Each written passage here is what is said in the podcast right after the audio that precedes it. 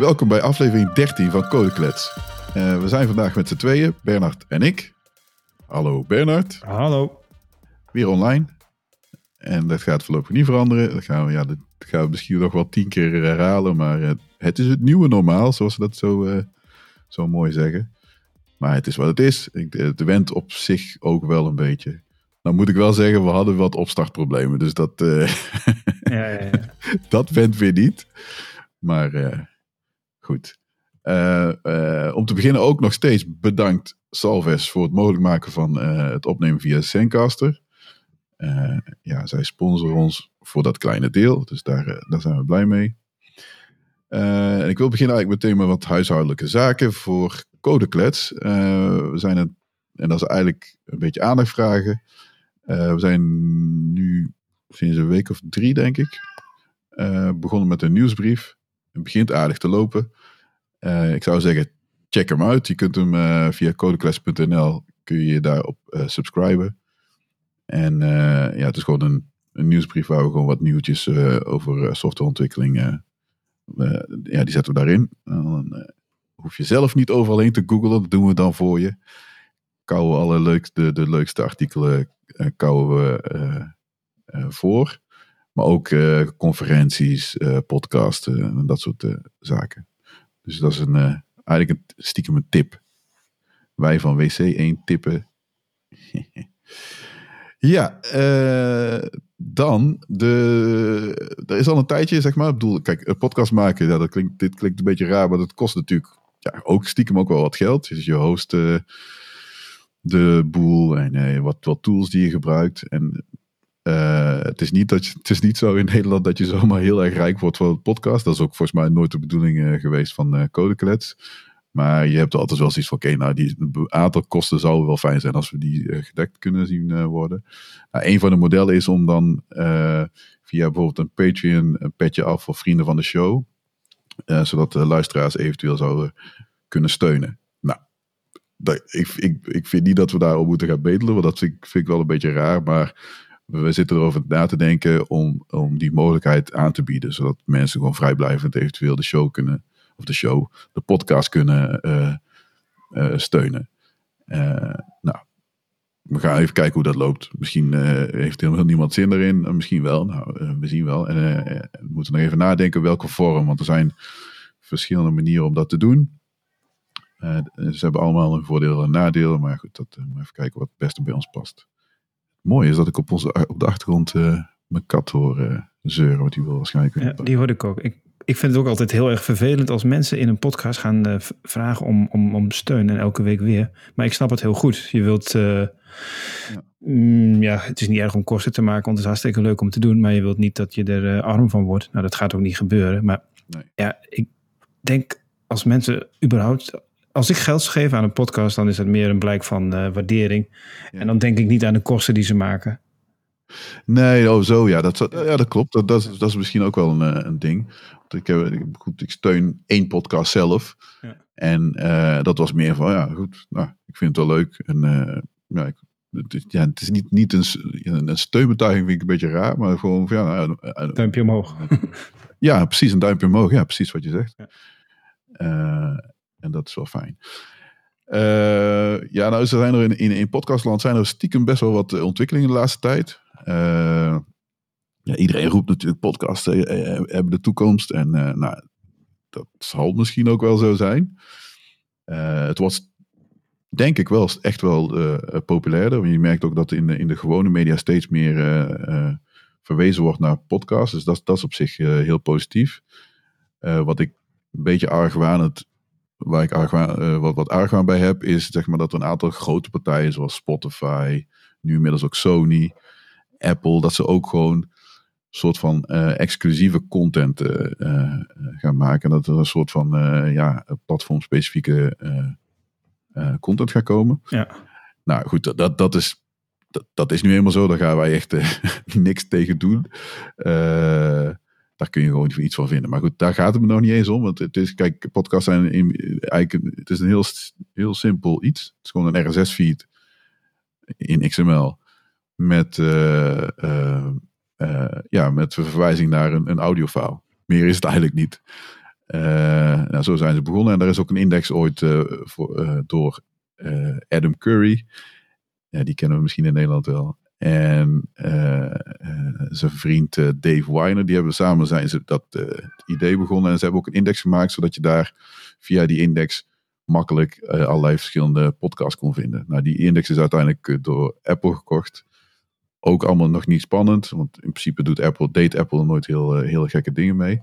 Maar dat was en is nog steeds wel de de facto index, zeg maar. Die dus eigenlijk de meeste podcast-applicaties gebruiken om, om een podcast te vinden. Nou, Spotify doet dat wel een beetje anders. Die, die, die proberen dat zeg maar allemaal op hun eigen platform te krijgen. Wat ik vanuit hun ook wel begrijp. Maar inmiddels is Adam Curry ook bezig met het, uh, uh, een, podcast 2.0. Dus dan krijg je een nieuw formaat. Tenminste, nee, wat extensies op het RSS-formaat.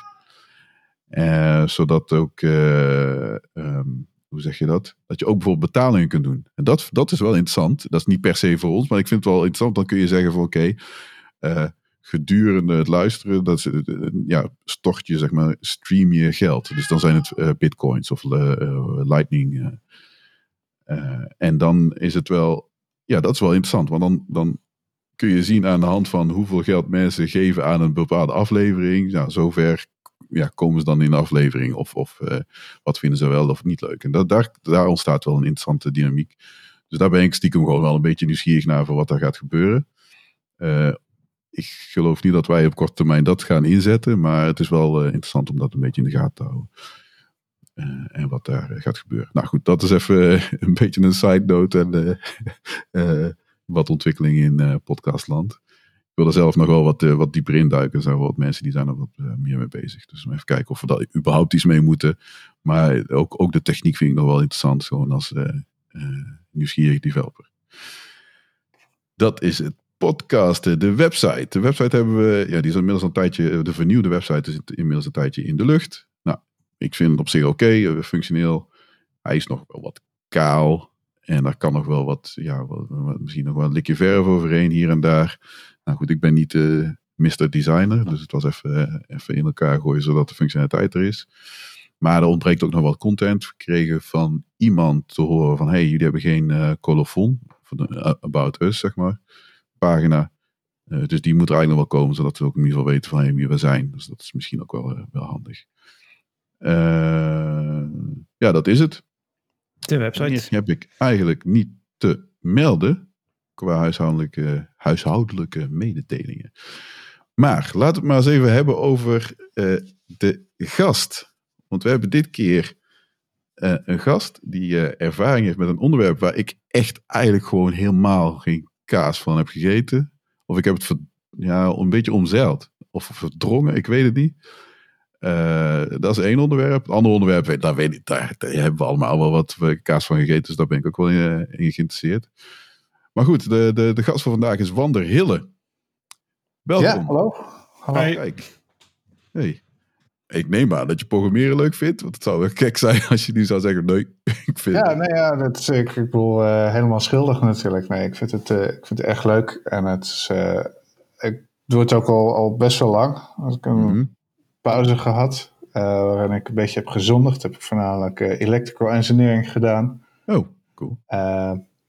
Maar nee, mijn, mijn eerste, ja, het, ging al heel vroeg mis met mij. Want ik kreeg op mijn, uh, op mijn zesde kreeg ik boek dan Windows voor kinderen van Addo Stuur. Ik weet niet of jullie daar nog uh, uit die uh, generatie komen.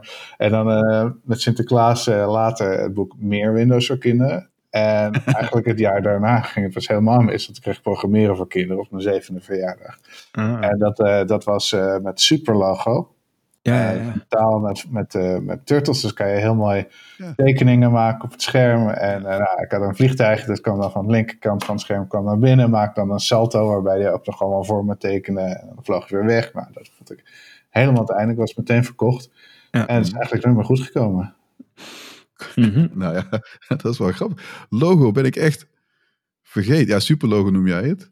Tenminste, ja, er zullen misschien varianten van zijn. Want ik, uh, ja, het zo heet digitaal. Het kwam heel goed ja. op het scherm als je ja. het opstartte. Maar ja, ja nee, dat was, klopt. Was ook helemaal in het Nederlands vertaald was, was deze, deze vorm. Dat was voor kinderen. Dus in plaats van dat je uh, functies definieert met, met def of define of learn of uh, wat dan ook. Dan was het zeg maar leer salto. En dan zo lang. Je, je, had zo lang bussen en als statements. En uh, aan het eind begon het, was het ook niet end of zo'n zo'n zo'n zo curly bracket sluiten, maar dat was ook einde. En ja, het was helemaal vertaald Nederlands. Dus het was voor mij als, als op mijn zevende sprak nog niet zo goed Engels natuurlijk. Dus dat, uh, ja. dat is hartstikke mooi. Ja, ik ken logo alleen, niet, niet de Nederlandstalige variant, maar dat heeft dan vroeger ooit vast wel eens in zo'n blad gestaan waar het. Uh, ja, daar moet u het mij aan denken.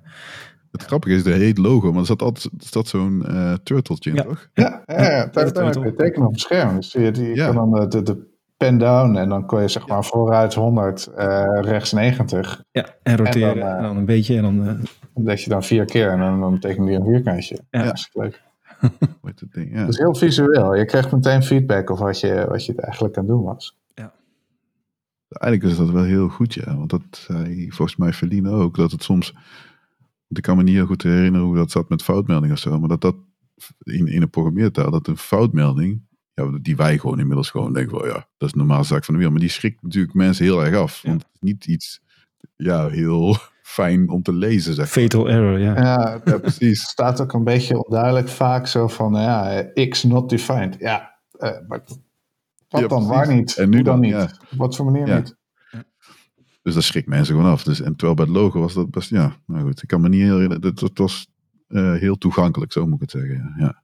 Ja. Nou, dat was heel goed om, om mee te leren. Maar dan ben je er wel vroeg bij geweest, want zeven jaar. Ja, dat is, even kijken. ehm, ja, daarna op, op de middelbare school niet zo heel veel meegedaan. Ik had ook een, een lerares informatica en die was eigenlijk lerares Frans. En het, ja, ze, het was een schat van de mensen, heel erg de best, maar ja, dat, dat, dat ging gewoon niet zo lekker. Ehm, ik heb eh, gestudeerd, gestudeerd bij de marine, eh, wapentechniek. Mhm. Oh, cool. Eh, op, het, op het KIM, dus de officiersacademie. Ik heb daarna ook een jaar of, of negen nog bij de marine gewerkt. En daar, ja, ik, ik heb allerlei dingen gedaan. Ik ben eh, naar, naar allerlei missies geweest. Maar ik heb ook bijvoorbeeld, zat ik, dat heet dan zo mooi, de kennispool. Ehm, en daar, eh, daar zat ik dan bij ontwikkeling van nieuwe, nieuwe radars. Ehm, en eh, Defensie die betaalt heel veel geld aan, eh, aan TNO elk jaar om, nieuwe, om onderzoek te doen naar nieuwe, nieuwe dingen. En daar worden dan dus ook officieren van Defensie bijgezet om gewoon even te, even te kijken of ze, of ze dat wel goed doen. En Oké. daar heb ik dan op, op onderzoeksniveau niet zoveel over te zeggen. Eh, maar je, het is wel de bedoeling dat je weet waar je het over hebt en waar zij het over hebben. Zodat als ze zeggen van nou, we hebben nou 10 miljoen extra nodig om eh, hier Ja, nou ja. onderzoek te gaan doen. Dat je kan zeggen, nou volgens mij hebben de Fransen daar al onderzoek naar gedaan. En eh, kan je niet gewoon hun resultaat gebruiken. Ja, precies. Dus dat bestond, bestond dan misschien voornamelijk uit literatuur, onderzoek of vergelijken? Of... Eh, ja, literatuuronderzoek, maar ook. eh, ja, je, je bent gewoon veel in contact met die mensen. En ook met, met, an, met, je, met je counterparts van andere NAVO-landen. Gewoon om, te- om, te, om te overleggen waar je het over hebt. Want eh, een marineradar, dat, dat is eigenlijk voor heel veel landen toch een beetje hetzelfde. Ja, Het doet ongeveer hetzelfde, zit in ongeveer dezelfde omgeving, moet hij werken. Hij heeft ongeveer dezelfde vijanden. Want je hebt als NAVO-landen zijn er gewoon een paar, paar verwachte dingen waar je naar wil kijken. Dat zijn Russische gevechtsvliegen eigenlijk. Eh, en Chinese raketten. En dat, dat is het wel, zeg maar. Ja. Ja. Dus eh, als je dat dan eh, met z'n allen kan doen.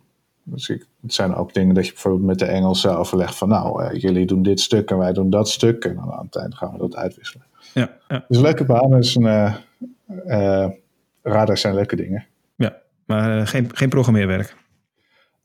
Nee, dat moest ik aan de TNO's overlaten. Dus op een gegeven moment ben ik ook weer weggegaan bij de marine. Omdat ik me toch weer dichter bij de techniek wou houden dan dat, waar, waar mijn carrière daar naartoe ging. Dat is namelijk dat je steeds verder wegkomt van de techniek. Maar van Ja. jammer, ik vind het wel heel leuk.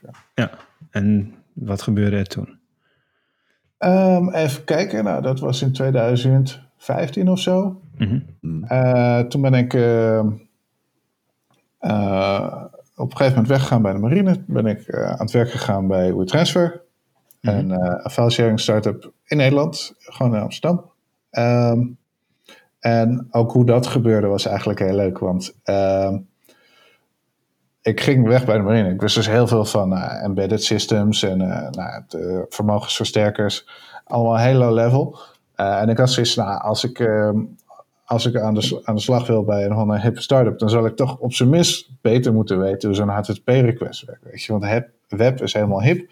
Ja. Ehm, dus ik dacht, nou, ik ga voor mezelf ga ik een, een website maken. Dus nou, de allereerste, hoe zeg je dat? Allereerst probeerstukje was HTTP-pagina of HTML-pagina, moet ik zeggen. Uh, dat ging hartstikke goed. Dus toen dacht ik, ja, maar dat is leuk. Maar dit was wel echt gewoon Hello World, maar dan voor, uh, voor een webpagina. ja. dit, wat, wat is mijn volgende project? Dus ik keek een beetje omheen en toen dacht ik, nou, weet je, dat retracer, files uploaden, downloaden, dat is toch wel een beetje een opgelost probleem, zou je zeggen. Dus dit is een, is een mooi tussenprojectje. Het is niet zo, zo groot en moeilijk als Facebook uh, klonen, maar het is ook niet helemaal een, een, uh, een basisding. Dus ik dacht, nou, dan ga ik dat proberen zelf te maken. Ehm, en nou, zo gezegd, zo gedaan. Dus vol goede moed ging ik aan de slag. En ik, had, ik, ik, was daar een week of zo mee bezig. Ehm, ik had een paar weken vrij. Ehm, en uh, wat er toen gebeurde was dat een vriend van mij die zei van... Hey uh, op, de, op de lokale Ruby meetup... Uh, daar gaat iemand van WeTransfer die, die heeft gesproken... en die, die heeft zijn, zijn presentatie online gezet. van, is dat niet leuk om naar te kijken? Dus ik dacht, nou ja, dat zou wel leuk zijn. En dat was een, een jong die heet Julik. Die werkte samen met, met Arno, die hier ook op podcast is geweest... en mij hebben veel samengewerkt. En uh, die zei van, nou, dit, dit, zijn allemaal interessante problemen, want inderdaad, files up en downloaden is niet zo'n probleem. Maar als je, uh, als je er een miljoen tegelijkertijd up en downloaden, wat WeTransfer doet, dan wordt het al een stuk lastiger natuurlijk. En wat, uh, hij, hij, had een aantal van die problemen die daar waren. Uh, en hij zei van, nou, deze die hebben we opgelost en deze die zijn nog steeds lastig. En ik keek zo naar die met de presentatie. Ik dacht, ja, dat is zo lastig toch niet? Dus ik, uh, ik zou uh, typ, typ, typ op mijn uh, eigen, eigen klantje. Had ik dat een soort van semi opgelost. En ik stuur een mailtje van, hey, waarom doen jullie het niet zo eigenlijk? Want dat, dat moet toch te doen zijn? En zei van, ja, kreeg ik een mailtje terug. Ja, dat is wel zo. Maar wat ik niet in de presentatie heb gezegd, is dat er ook nog deze en deze en deze constraints zijn. Uh, ja. En uh, dus ik, ik stuur, heb zo'n beetje heen en weer gemaild. Uh, leuke, leuk gesprek gehad. Um, en ja, dat is toen een beetje uitgevisseld. Maar toen ze een paar maanden later een vacature hadden, kreeg ik die van zeg maar vier kanten tegelijkertijd opgestuurd. Ja, long, long story short. Uh, daar heb ik ook drie maanden gewerkt. Of drie jaar gewerkt, moet ik zeggen. Um, ja, en daar ben ik nu net, net een halfjaartje weg. En daar zijn we nu. Dus oh, dat is, Even ja, okay. wervelwind. Ja. ja, dat is wel uh, ja, een, een, een, interessante carrière, ja. uh, ik zag dat je nu, zeg maar, een tijd... Je bent nu een half jaar... Doe je eventjes niks? Of hoe zeg je, een sabbatical heb je genomen? Of hoe, hoe... Ja, ik ben een beetje, een beetje sabbatical aan het houden. Um, uh, ik werk wat aan open source dingen die ik, die ik leuk vind. Mm um, ik ben in de tussentijd getrouwd en daar wou, wou ik ook de tijd, uh, tijd voor nemen. Ja, um, ja en uh, langzaam maar zeker ben ik een beetje aan het freelancen. Er zijn, zijn mensen die mij geld willen geven om mooie dingen voor hen te maken. Dus dat, is, uh, dat kan ook geen kwaad. Altijd mooi, ja. Oké, okay, cool. Uh, goed, het eerste onderwerp, want uh, ik, ik, gaf het een beetje in de introductie al aan. Van, nou, ik heb ooit ja, misschien een paar regels uh, erin geschreven. En, ja, trouwens, ik kan wel moeilijk doen, maar het is Haskell.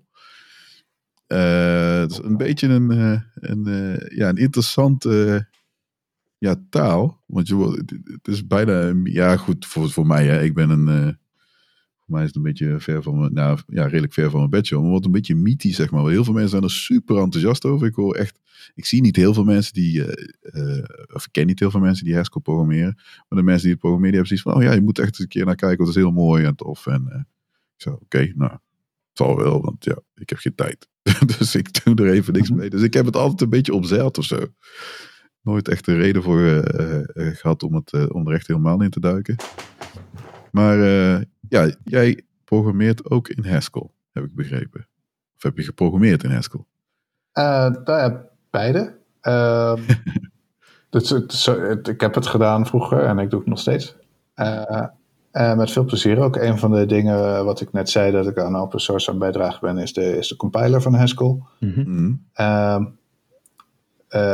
dus wat, wat een beetje de oorsprong is van die taal, is er waren in de, in de jaren 70, 80 waren een heleboel kleinere, kleinere taaltjes. Elke universiteit had zijn eigen dialect. Op een gegeven moment zijn ze uh, bij elkaar gaan zitten.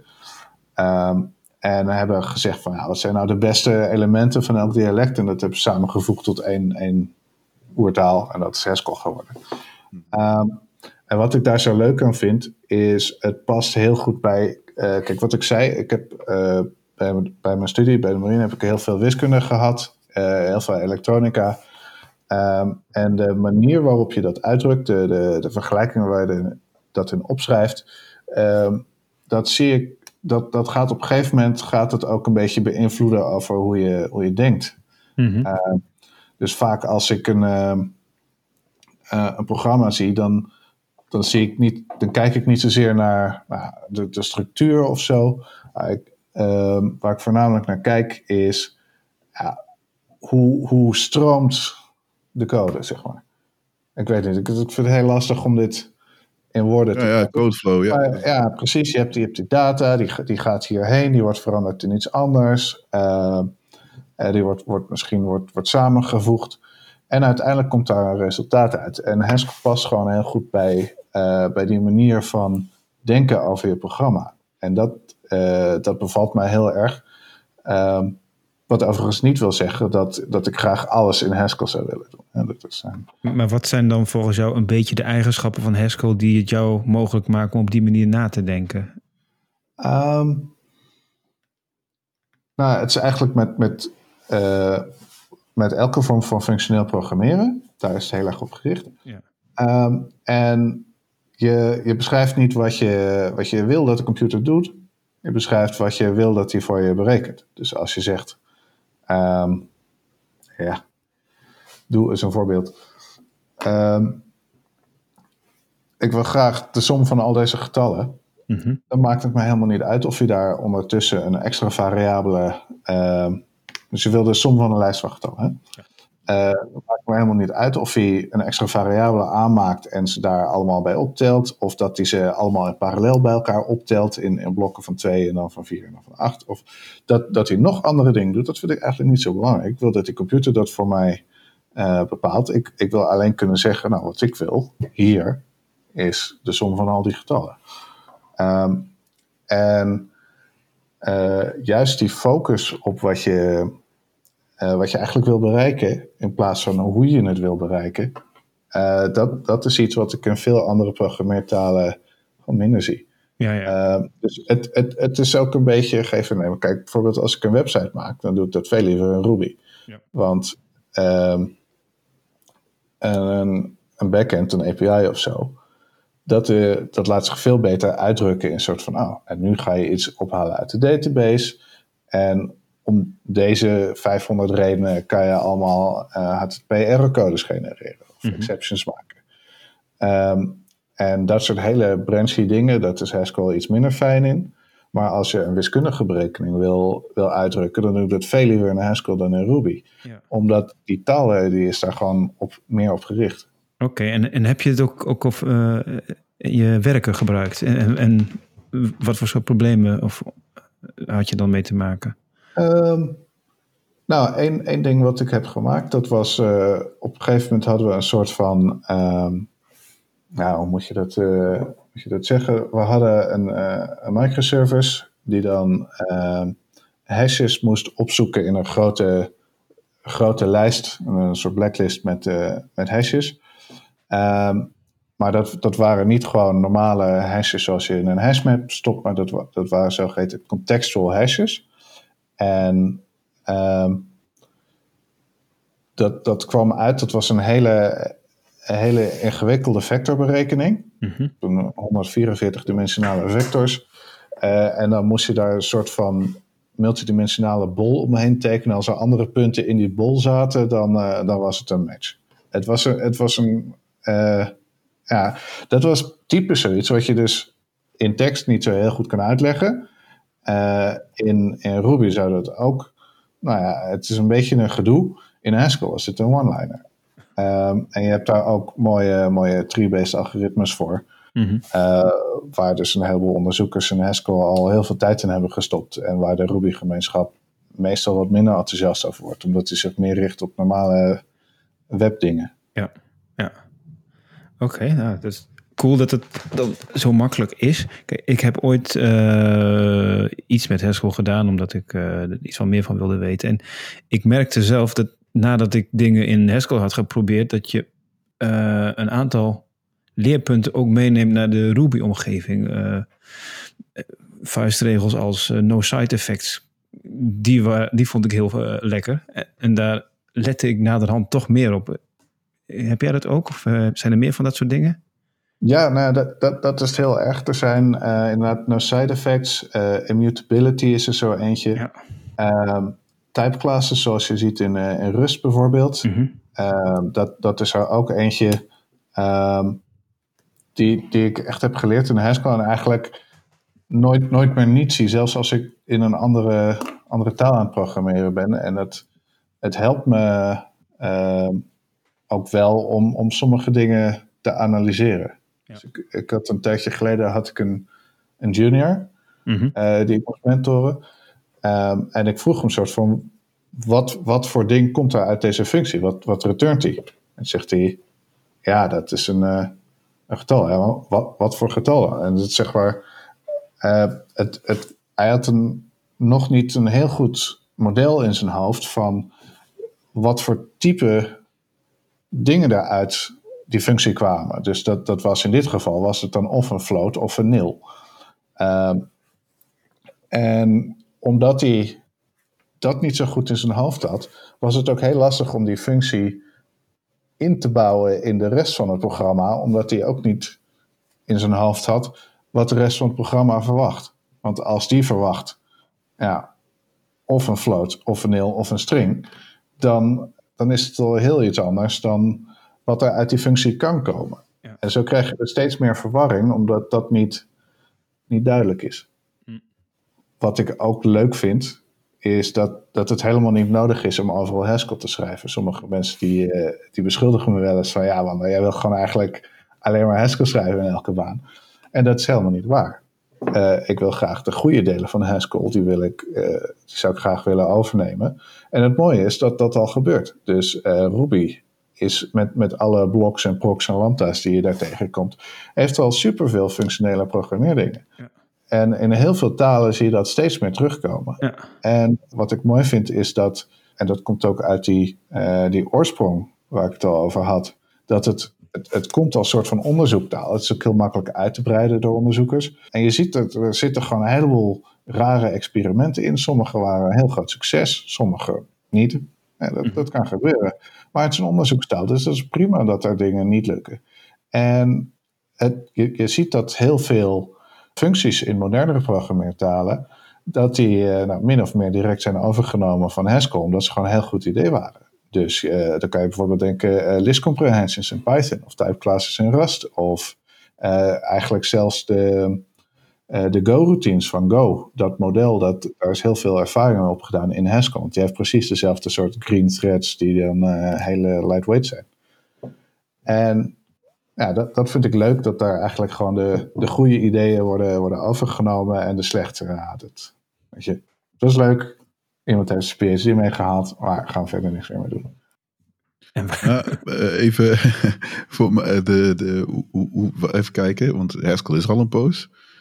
Uh, je zei ook net van, oké, okay, je zou eerder uh, een webapplicatie maken, zeg maar, in Ruby dan, dan met Haskell. Nou, dat zal vast iemand gedaan hebben. Dat is trouwens ook een vraag van een collega van mij, die had ik vandaag gesproken. Die heb ik wel vaker aangehaald in de podcast. Over, maar goed, die heeft mij ook meerdere keren gezegd van, hey, je moet eens een keer Haskell doen. dan heb je van, je hebt, blijkbaar heb je een site, dan kun je allerlei opdrachten doen met Haskell.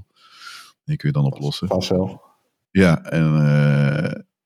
maar ja, goed, is het, is het gewoon niet van gekomen. Maar, maar hij vroeg me over van, hey, anders moet je vragen of er webdevelopment uh, uh, gedaan wordt met Haskell. Maar is, is, is dat er ook, zeg maar? Of is, dat, is het meer van, oké, okay, blijft het nog steeds bij dat wat meer ja, wiskundige? Of, of, of? Nou, het hangt, hangt, er een beetje vanaf. Uh, kijk, sowieso, het, het kan allemaal wel. Er zijn gewoon libraries. En uh, er, er is laatst, paar maanden geleden, heeft een, een Duits bedrijf. Dat heeft dan de, een framework gelanceerd, dat heet IAP. En dat, dat probeert een beetje de, de rails van, uh, van de Haskell-wereld te worden. Mm -hmm. uh, ja, weet je, kijk, HTML genereren, dat is, dat is op zich uh, goed te doen. En het zijn, allemaal, het zijn wel allemaal libraries. Aan de andere kant zijn ze vaak niet zo, niet zo super gepolished als een, Rails of een Django of zoiets. Ja. Um, maar er zijn, er zijn wel uh, bedrijven. Dus uh, als, als, als groot voorbeeld is uh, Facebook spamfiltering. Dat draait allemaal op Haskell. Mhm. er is bijvoorbeeld in Utrecht zit een bedrijfje. Zit, zit een aantal Haskell bedrijfjes zelfs. er is er eentje die doet met machine learning. maken ze automatisch chords. Hoe zeg je dat? noten en Ja, ja, ja, ja. bladmuziek. Bladmuziek is het Nederlands woord. Ja, precies. Ja. Uh, dus die, die, die, geeft je een, een, een stuk muziek en dan, Ja. dan genereert hij daar automatisch bladmuziek uit. oh, nou, ja. dat, is, dus- dat is op zich een website. En je, je, je moet je muziek, eh, je, ja, je liedje uploaden Ja, via, ja. eh, via een webpagina. Maar dat wordt dan later door, automatisch door de machine learning heen getrokken. En dat, dat is allemaal in Haskell. Zo zijn, zo zijn er nog wat meer dingen die dan net niet helemaal een, een, een, CRUD-app, zoals het zo mooi heet. ja, zijn. precies. Uh, maar die, die wat, wat meer involved processing daarachter hebben. Nou, dat, daar is dus heel goed geschikt voor. Oké, cool. Maar wat je ook dus zei, de mogelijkheid dat dus een microservices zijn ontstaan, of die zijn niet ontstaan, die zijn er misschien al wel een tijdje, maar eh, je kunt zou een op, ja, moet nou zeggen, één applicatie of een landschap, of hoe je dat moet zeggen. En dus, dus stel dat je nou eh, een oplossing moet maken, dan zou het dus zo kunnen zijn dat je het, het, het, een deel van die applicatie met Haskell zou schrijven en dat dat in één microservice weggestopt wordt Tuurlijk. en de rest eh, met Ruby. Maar, maar eh, zie je dat ook wel eens gebeuren of is dat eh, sporadisch, komt dat voor? Ehm, ja, het, het, ik bedoel, je vraagt het aan mij alsof ik een soort van de guru ben op het gebied van Nee, nee, nee, nee, maar ja, het is gewoon... Nee, ik, ik, ik, ik zie wel dat inderdaad dat je dat, dat soort van microservices in meerdere talen die dan beter geschikt zijn. Ehm, Ja, dat, eh, dat, dat, dat zie ik wel redelijk regelmatig. Ehm, omdat ja, Haskell eh, of eh, Ruby en, en Python of, of Node.js of zo, dat zijn vaak talen die dan niet. Dat zijn interpreted languages natuurlijk. Dus als je daar echt zware number crunching mee wilt doen, dan kan je beter iets, iets gecompileerds gebruiken. ja, ja. Ehm, dat hebben we bij WeTransfer ook wel eens gedaan. Bijvoorbeeld dat we in Crystal, als je die taal kent. Nou, dat is een soort gecompileerde Ruby. Ehm, eh, ja, die één, één gewoon super zware eh, endpoint, die hebben we daarin herschreven. Omdat het gewoon niet te doen was in Ruby. Dat was echt een drama. Mhm. Ja, Ehm, en dat, dat, dat ging letterlijk honderd keer sneller in Crystal. Nou ja, dan, ja. dat is gewoon de moeite waard. Maar voor de meeste dingen, eh, zeker in de webwereld, dan is Ruby gewoon snel genoeg. Eh, Ja. of, of je webpagina nou eh, gerenderd wordt in 1 of 2 milliseconden. Ja, dat is leuk. Maar de ping van mensen die is zoveel hoger, dat merken ze niet eens.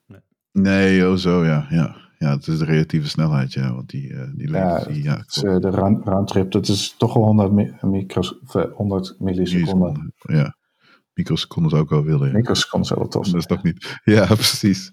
Maar toch ergens is er iets met eh, natuurkundige wetten en zo. Dus, Ja, dat gaat gewoon niet.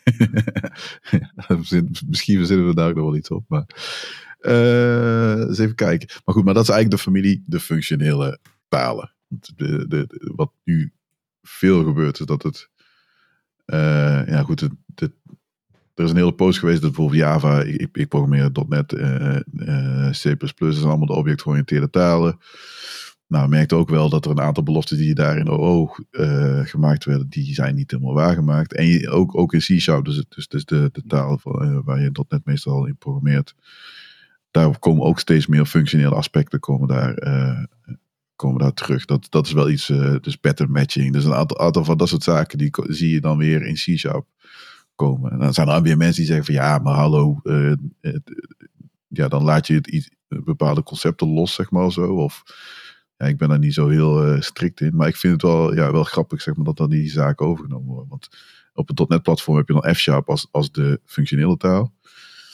En dan worden dan soms dingen overgenomen. En als soms ook wel dingen van C-Sharp naar F-Sharp, maar meestal andersom.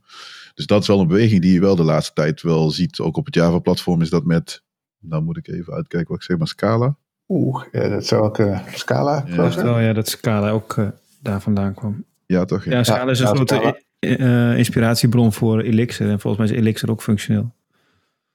Dat durf ik niet zeggen. Het is Erlang. Ja, ja, Erlang ja, wat, wat, precies functioneel is, daar, daar, heb je een paar mensen die zijn super puristisch van, ja, dat moet dit hebben. En sommige mensen zijn van, ja, maar JavaScript met, met uh, map en uh, voor iets, dat is ook al functioneel genoeg, zeg maar. Uh, ja, precies. Ja. Dat zijn hele gradaties in. Ja, klopt. Ja, het is volgens mij ook, ook die, die side effects en zo. En dus, ja, goed. Nou, ik, ik, dat klopt. Ja. F-Sharp is ook daar zitten wel wat side effects in. Dus, dus je kunt sommige dingen.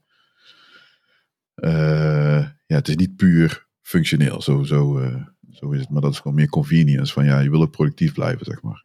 Maar is jouw uh, liefde voor Haskell, is dat Haskell? Of heb je ook andere functionele programmeertalen die je ook erbij doet? Of, of... Ehm, je zei ja. dat je met die compiler aan het werk was. Zijn er, je zit toch heel erg in de Haskell-hoek als je, als je mag kiezen? Ja, meestal wel. Uh, Haskell heeft een heleboel manieren om, om gewoon heel compact op te schrijven wat je wil. Ja. Uh, en dat, uh, dat waardeer ik er erg aan. Ja. maar wat dat betreft, ik ben niet zo'n purist hoor. Het is, als, als het beter in Ruby gaat, dan, dan doe ik het in Ruby. En als het beter in Python gaat, dan doe ik het in Python. Of, of in, in, in Rust. Dat maakt ja. me allemaal niet uit. en uh, ja, ik heb gewoon een paar talen waar ik, waar, waar, ik graag naar grijp als ik een bepaald soort probleem heb. Mm -hmm. Ja. Maar het, uh, ik ben helemaal niet getrouwd met Haskell. Nee. nee, nee, nee, klopt. Of klopt, dat kan ja. Ja. Nee, wel, wel grappig. Ik, ik, ik, ik, je hoort het steeds vaker, dus ik moet er maar eens een keer aan geloven. Ik had toevallig begin deze week, volgens mij. Ja, begin deze week wel even naar de Haskell site gegaan. En dan kun je zeg maar, dan krijg je zo'n soort, ja, niet een tutorial, maar gewoon een beetje zo'n rappel. En dan kun je een aantal dingen ja, ja. gewoon. Ja, ik, ik weet welke site je bedoelt. Het, ja, in de eerste instantie had ik zoiets van, oké, okay, ik snap de syntax nog niet, zeg maar. Ik begrijp ongeveer wel wat er staat, maar ik weet nog niet precies wat nou waarin. Want je herkent een aantal zaken, die, ja, die lijken, dus die zijn waarschijnlijk overgenomen. Dus bijvoorbeeld de C-Sharp in, in mijn geval. Dan denk ik, oké, okay, dit snap ik wel, maar wat betekent het nou precies? En uh, wat, je hebt de type inferring is het volgens mij, toch? Dus dat ze types, ja, infer, dus dat, nou goed, ik snapte nog niet helemaal wat de syntax was. Ik, nou, qua tijd, dus deze week kwam ik er natuurlijk verder niet aan toe om daar nog meer uh, de diepte in te duiken. Uh, ja, dat. Oké, maar stel nou dat ik voor een bepaald leuk probleem, wat ik voorgeschoten krijg, Haskell wil gaan gebruiken. En dat wil ik morgen doen. Kan ik dan gewoon op mijn laptopje Haskell installeren en dan ga ik typen en dan is het klaar? Moet ik dan IDE's krijgen die om, om, om mijn oren? Of... Uh, ja, het is, uh, je kan het zo ingewikkeld maken als je zelf wil natuurlijk. Nee, dat wil ik niet. Uh, kijk, ja, kan je beginnen met typen en dan is het klaar. Dat is natuurlijk ja, als je goed bent in Haskell. Maar dat is hetzelfde voor, voor elke programmeertaal. Ja, maar het, ik kan het gewoon op mijn Mac downloaden en dan heb ik een, ja, doe ik gewoon... er is een, een tooltje dat heet GHC Up. Mm -hmm. GHC is de compiler mm -hmm. en dan gewoon de P erachter. Um, en dat is hetzelfde als uh, RBNF of uh, PyEnv en, en, dat soort dingen. Dan kan je gewoon een compiler neertrekken uh, en de tooling die er omheen hoort. Um, en dan ja, open een tekstfile in de, in de editor die het lekkerst vindt. En, en begin met typen. Okay. Zo, zo, makkelijk kan het zijn. Hè? Ja, en dan kan ik het ook deployen als ik het wil, ergens neerzetten. Dat is ook geen... Het compiled in principe gewoon naar binaries, dus je kan het uh, afval, uh, afval draaien waar je wil. Ja, ja. Ik wil met, met, met alle normale KVS die erbij horen. Dus als je het op Linux compileert, dan moet je het misschien even cross-compilen voor, Linux, voor Windows. Maar de, de, de, normale dingen die erbij horen. Maar daar hebben we nu uh, containers voor. Ja, precies. Of stop het in de ja, dus stop in de container. En dat, ja, precies. Oké. Okay. Dat is op zich wel, ook wel mooi. Nice. Uh, je ziet zeker, die, die tooling die wordt wel steeds belangrijker. Er is mm -hmm. ja. een paar jaar geleden dan, dan, dan was er een beetje een, een, gedoe, want iemand anders die was super ongelukkig met de, met de normale tooling. Uh, dus hij had zijn eigen variant geschreven en, uh, en een paar blogposts waarin hij de, de oorspronkelijke tooling echt tot de grond toe afbrandde. Uh, en nou ja, dat heeft, heeft de maintainers van de oorspronkelijke tooling ook wel weer een beetje motivatie gegeven om, om hun spullen weer op orde te krijgen. En eigenlijk zijn de meeste de meeste features van die nieuwe tooling die zijn weer in de oorspronkelijke gevoegd. En de, ja, dat, dat, is allemaal een beetje gesetteld. Uh, en de tooling die is echt een stuk beter geworden. ID-integratie die het, uh, wordt ook echt met, met de week beter op het ogenblik. Mm -hmm. Er zijn een paar mensen bezig met de language server integratie. Dus in VS Code of zo, dan kan je dat uh, zo op inhaken. Oké, okay, cool. En, er, waren al IDE's of niet? Ja, dat, dat is altijd een beetje, een beetje een gedoe geweest. Want je hebt, nou, hoe moet ik dat goed uit, uitdrukken? Er, er, waren een paar IDE's. Uh, en dan zeker, een paar die, die al, al vrij vroeg zijn begonnen. Maar de oorspronkelijke developers daarvan die zijn ermee gestopt. En dat is eigenlijk nooit meer, nooit meer echt van de grond uh, gekomen. Uh, en je ziet de laatste, laatste jaar of twee of zo is er gewoon weer echt een goede push om dat goed op orde te krijgen. Ook omdat bijvoorbeeld nieuwe talen het gewoon allemaal goed op orde hebben. Ja, ja, klopt. Toen Haskell begon in 1990 was het allemaal zo belangrijk niet. Nee. uh, en nu dan, dan zie je met de concurrentie van bijvoorbeeld Rust, dat mensen zeggen van, oh, dit is een goed idee. Dat, gaat, dat, gaat, dat willen wij ook. Ja, precies. Dus dan schrijft iemand een goed doeltje ja, zo, uh, zo kruisbestuift dat. Ja. ja, ik denk dat tooling best wel, uh, wel kan. Ja, nou ja, het wordt gewoon steeds belangrijker, simpel. Dat, dat is nu helemaal zo. Ik, uh, maar ja, ja, goed, ik ben gewoon heel, hele dikke IDE's ben ik gewend. En daar ben ik, vind ik, heel vaak vind ik, fijn, vind ik dat fijn. Maar soms vind ik Visual Studio Code, ik bedoel, of front-end development of even snel mhm. wat kleine dingetjes doen. Ja, dat vind ik gewoon een, simpeler uh, idee. Vind ik, of idee, ja, editor noem het. Een, een, veredelde editor, zo moet ik het een beetje zien. Mhm. Zo noem ik Visual Studio Code dan maar even. Uh, ja, vind ik dan ook fijn. Uh, ik weet dat, ja goed, kijk, op school kreeg je met, dan moest je lekker command in C compileren met, wat was het? GCC. Ja, Unix was het CC en later GNU CC. Oh ja, GCC. En heel, nog wat later was het G++, meen ik. Ja, weet ik veel. Maar goed, dat deed je allemaal gewoon lekker met het handje command line. En de pickles deed dan met VI en dan daar, daar deed je nog wat trucjes in. En andere hadden we Emacs. Dus dat was een beetje hoe je dat uh, in Unix-land deed.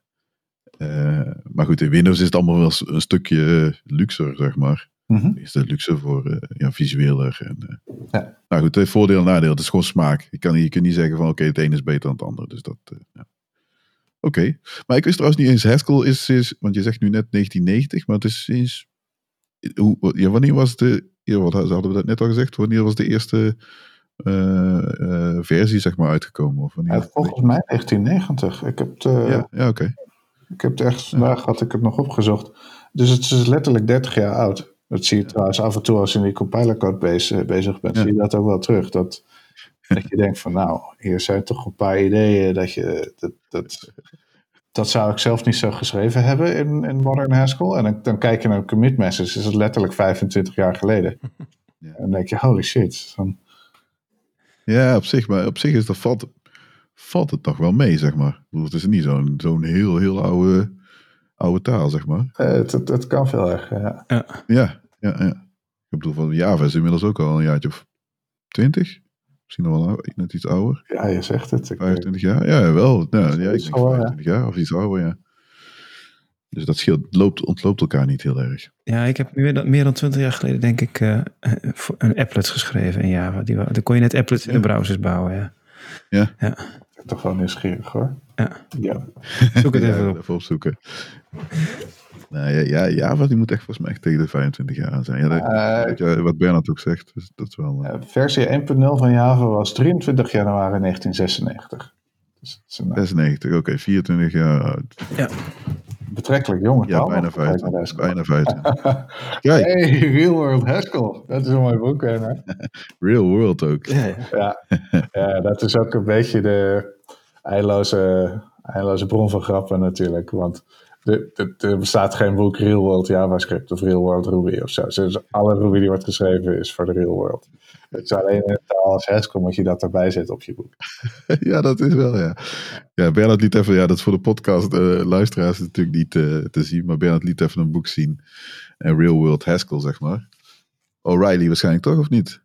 Ja, O'Reilly, Ja, toch? met een, Daar eh, staat een dier op. ja, zo'n grote kever Ja, voorop. wel interessant wie, wie, wie iedere keer verzint welk dier welke taal is.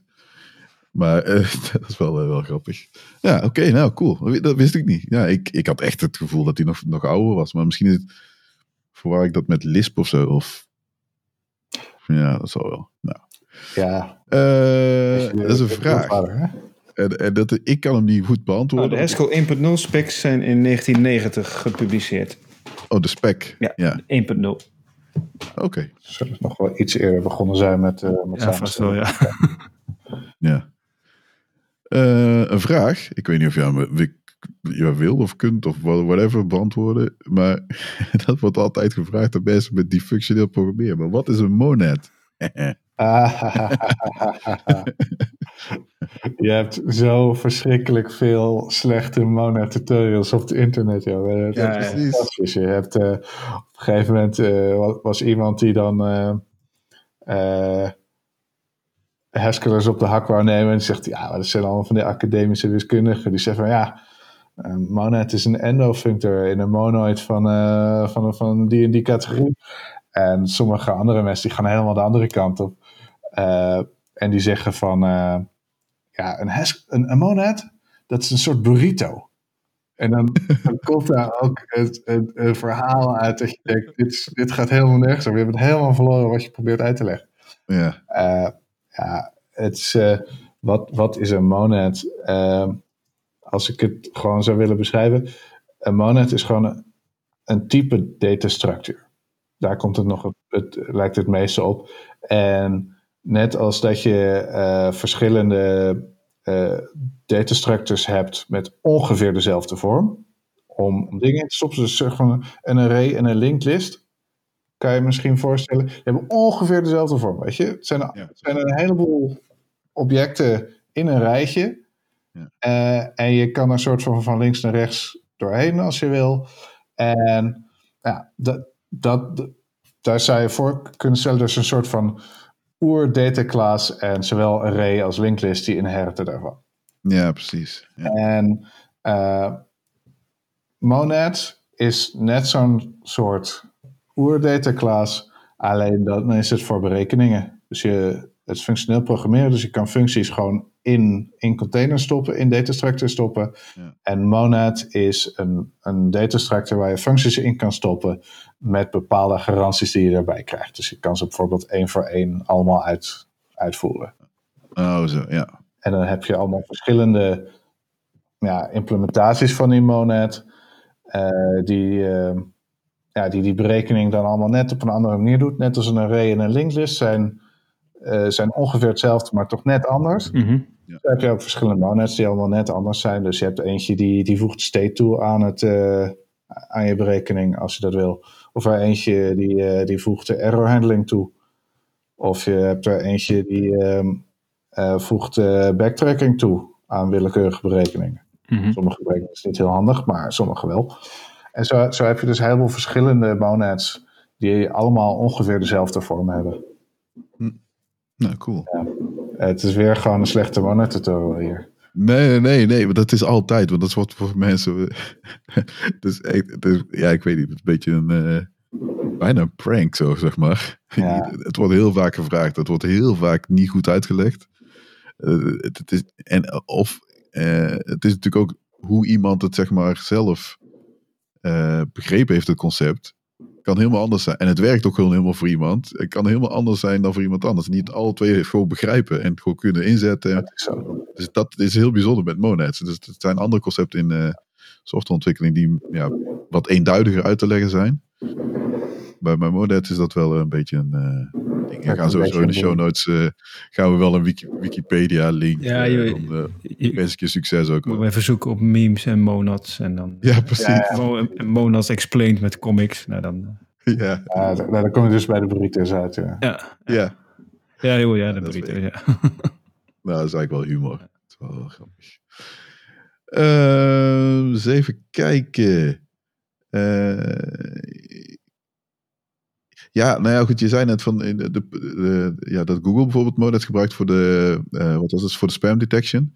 Facebook. Wordt het heel veel, is, er, is het in populariteit aan het toenemen of is het, uh, is het een beetje stabiel? Of, um, hoe, hoe? Ja, het is moeilijk te zeggen. Kijk, ik ben de laatste tijd zelf uh, meer mee bezig.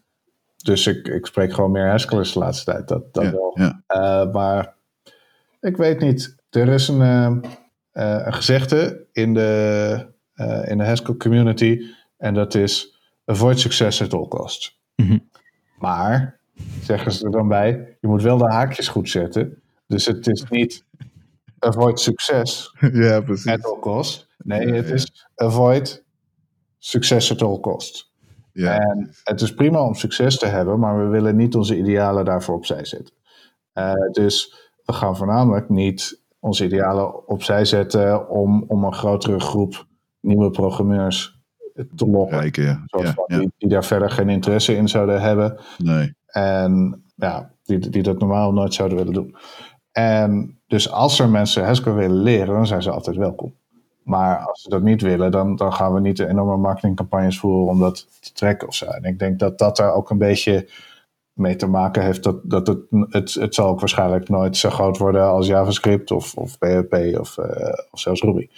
Nou ja, het hoeft niet. En dat ja, is prima. Of, ja. En dat, dat hoeft ook niet. Het is een, het is een research-taal. Uh, ja. dus ja, het, zoals ik het bleef, het, het, is ongeveer, uh, het blijft ongeveer gelijk. En dat. Uh, Oké, okay, ja.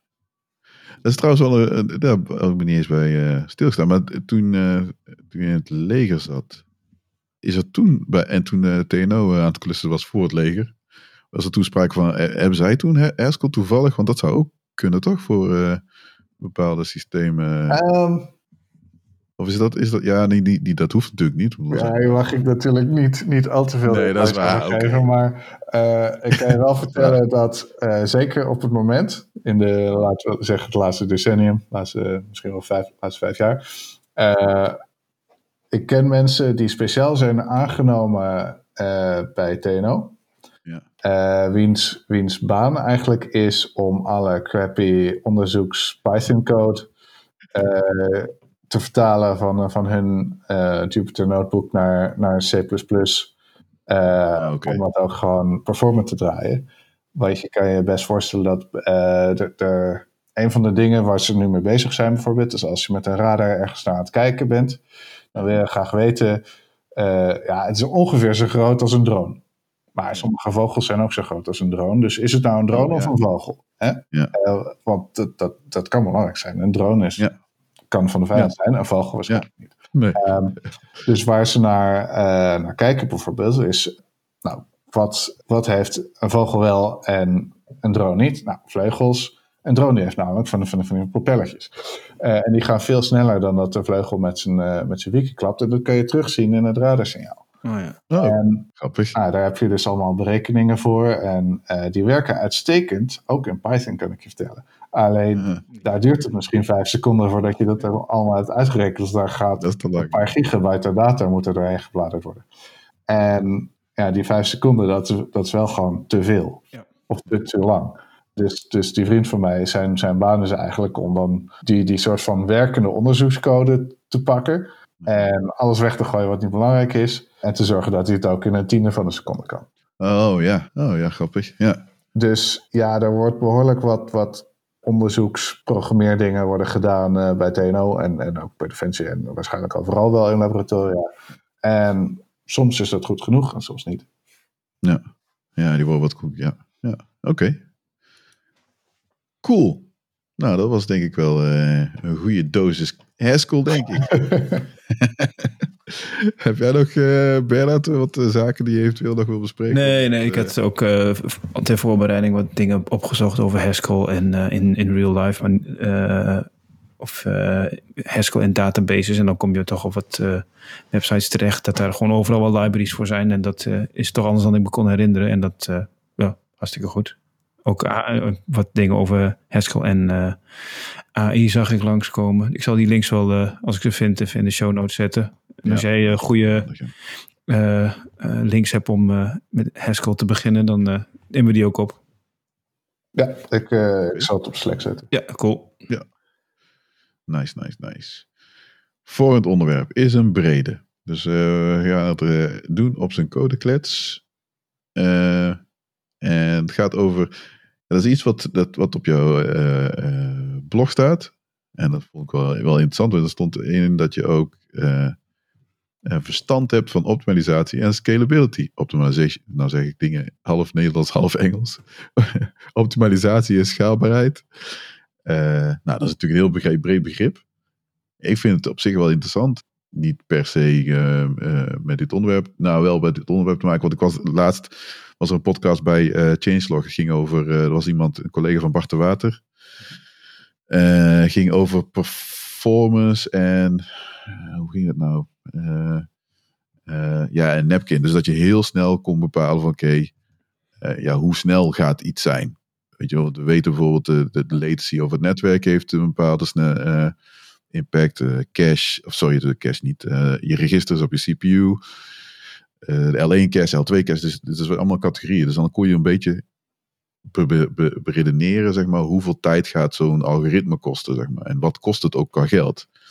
Uh, en dat vond ik op zich wel interessant. En niet, niet per se iets wat ik dan meteen heel veel in zat duiken. Want voor hem was het echt gewoon, ja, dat was een belangrijk deel van zijn taak. Want de Ruby on Rails applicatie natuurlijk bij uh, uh, Shopify. Ja. Daar werkt hij. En dus dat vond ik wel interessant. Maar ja, nou kan ik het heel, heel flauw doen en heel breed stellen en zeggen: hey, wat weet jij van optimalisatie en scalability? Nou, dat vind ik uh, alles. Nou, uh, dat denk ik. Dat is, uh, zoveel weet ik er ook weer niet van. Nee, nee, maar goed, maar, maar, laten we eens beginnen. Maar stel dat je nu, ja, dat kan op veel manieren. Nou, laat ik anders zeggen. Stel dat, dat, dat iemand jou benadert wat, en, en, en, en vraagt van, oké, okay, we, ja, we willen dat, dat dit systeem, ja, dat loopt allemaal niet lekker en, en het gaat voor geen meter. Die, die, kunnen dan even, die zouden bij jou aankloppen, stel als een opdracht. Dat zou kunnen. Ja. Dat, dat zou kunnen, ja. En, en zijn er dan vraagstukken, ja, dat hoef je niet specifiek te zijn van oké, wat dat bij opdracht X uh, is dat gebeurd, maar wat voor zaken moeten we dan aan denken, zeg maar? Nou ja, er zijn, wat je vaak ziet, en dat, dat, dat is dan voornamelijk, ja, scalability is een woord met, met een soort van meerdere betekenissen. Eh, je hebt de scalability van een systeem, maar je hebt ook een soort van scalability van, uh, van je hele architectuur van misschien wel meerdere systemen. En wat je vaak ziet, of in ieder geval wat, wat ik regelmatig tegen ben gekomen, is dat je een, een systeem hebt wat ontwikkeld is uh, voor een bepaalde use case. Dus laten we zeggen, een of andere start-up die begon en die moest snel eventjes iets in elkaar draaien om, om als MVP te doen. Daarna, op een gegeven moment, kwamen de gebruikers en een paar jaar later heeft het systeem wat ontwikkeld is voor, nou, als we 100 klanten hebben, is het al veel dat, dat moet plotseling duizend klanten verwerken, of misschien wel tienduizend. Dat ene servertje, dat, dat staat te roken. Uh, en dat is helemaal niet meer geschikt voor wat, uh, voor wat het nu moet doen. Terwijl het waarschijnlijk vroeger uh, was het prima. En dus wat wat je vaak ziet is dat dingen die, die appropriate zijn, die, die gewoon goed geschikt zijn voor een bepaalde, bepaalde hoeveelheid load, dat die niet meer geschikt zijn voor de volgende stap. Dus als iemand zo bij mij zo zou aankomen van hé, hey, uh, we hebben een probleem, uh, er komt er ook uit alle servers en een pagina laden kost 10 seconden, help. Nou, dan, dan is eigenlijk het eerste, eerste wat je moet doen, is kijken naar van, ah, wat is nou eigenlijk de bottleneck in je systeem? Zeg maar, wat is het langzaamste deel? En dan als je, als je dat dan sneller maakt, misschien door te herschrijven of misschien door een, een betere architectuur ervoor te maken, uh, dan kom je vanzelf op een nieuwe bottleneck uit. Uh, waar je dan mee aan de slag moet. Oké. Maar er zijn, dat, dat, dat kan natuurlijk van alles zijn. Dus, ik kan me voorstellen dat bijvoorbeeld een, een, een e-commerce platform. Uh, uh, ja, gewoon. Nee, er zijn nu. nou, toevallig nu Black, Black Friday staat voor de deur. Ja.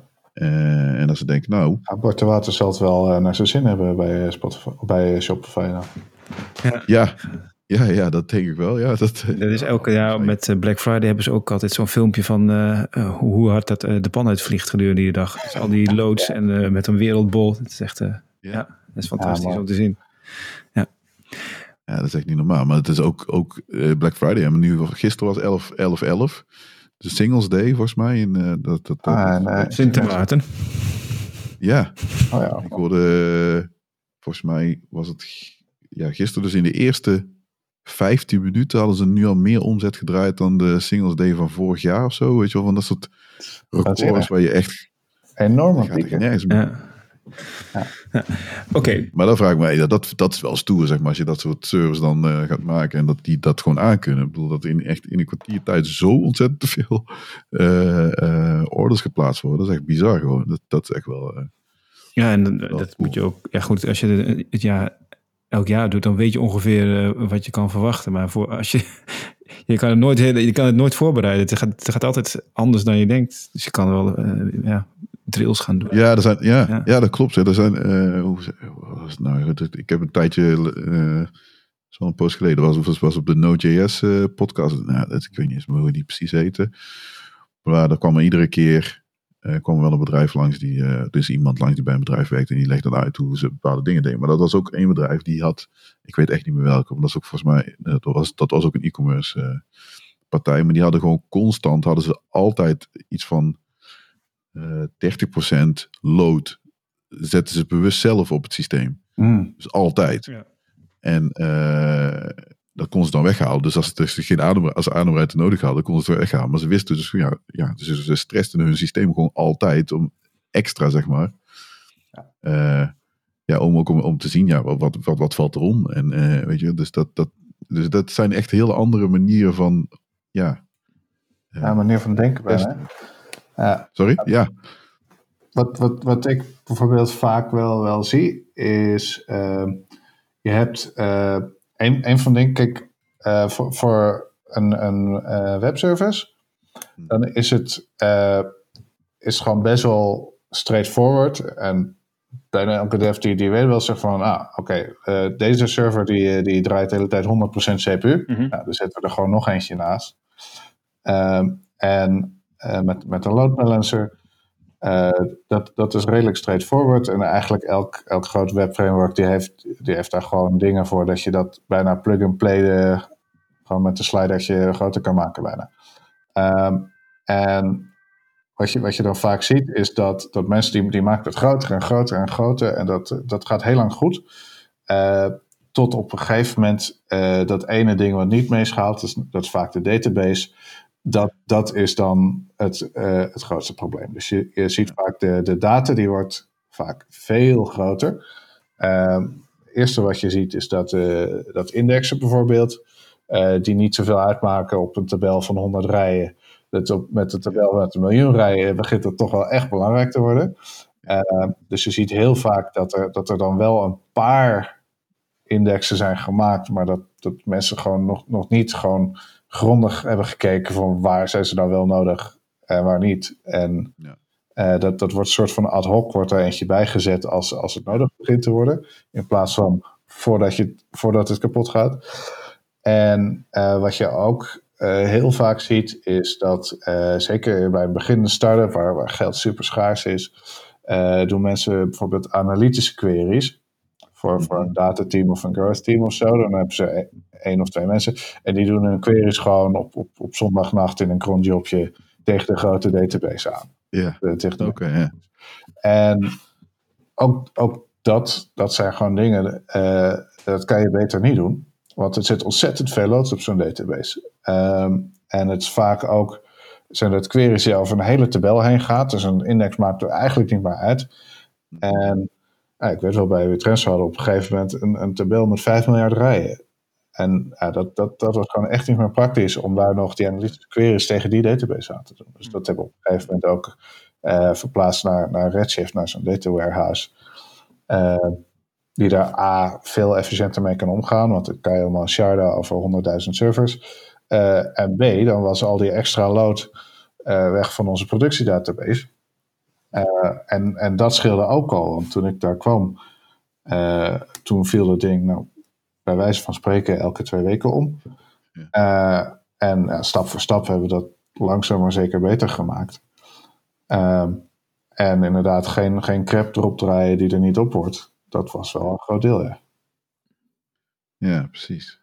Ja, die deden we dat, dat, dat is mijn oude Jan Boerenfluitje manier van hoe ik tegen webdevelopment op, op kan. Want dan zeiden mensen ook van ja, uh, ja, dan moet, uh, tenminste het schalen. Ja, dat is makkelijk gedaan met een webapplicatie. Ik zeg ja, de, de webserver, die is makkelijk te schalen. Ja, ik bedoel, wel. Het toffe, het, het, het irritante is, die database erachter. Goed, dat was de, de, ja, de traditionele stack in .NET was ja, een .NET uh, een webapplicatie. en daarachter zat gewoon een SQL server. Mm -hmm. Zeg maar, twee SQL servers na, naast elkaar draaien in een clustertje. Dat is al een stukje ingewikkelder, zeg maar. Dan gewoon even twee, drie servers erbij zetten. Dus dat was wel uh, ja, een andere tak van sport. En ook, precies wat jij zegt, ook, ook een database is gewoon sneller maken. Oh ja, gooi maar de index op. Ja, die, oh, we zoeken daar ook vaak, doe daar ook nog maar één op. Maakt niet uit. En dan op een gegeven moment loopt het echt zo ontzettend gewoon niet goed meer.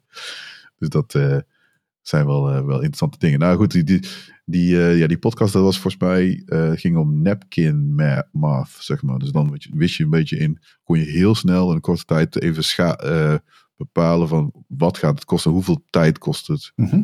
En dan, ja, dat, dat, dat was, er zit ja, met de methodiek achter, dan kon je heel best wel goed en nauwkeurig bepalen uh, ja, hoeveel performance en hoeveel tijd en geld kost het, zeg maar. Ja, je moest volgens mij eh, samenvattend gewoon uh, uh, wat een orde grote berekening maken door wat getallen achter elkaar te vermenigvuldigen die zinnig waren. En dan ja. had je een idee of het, hoeveel nullen het waren en of je daar ver naast zat of niet. Ja. Ja.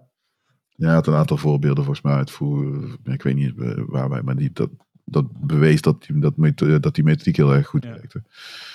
Dus dat. Uh, ja, en nu is het tegenwoordig. Zeg, oh ja, dat is in de cloud opschalen. Ja, ja dat, dat zou je verbazen trouwens. Hè? Want uh, we hebben ja. dat op een gegeven moment, uh, ook bij WeTransfer trouwens, um, hadden we op een gegeven moment ergens een, een outage. Ik weet niet eens meer waarom dat precies was.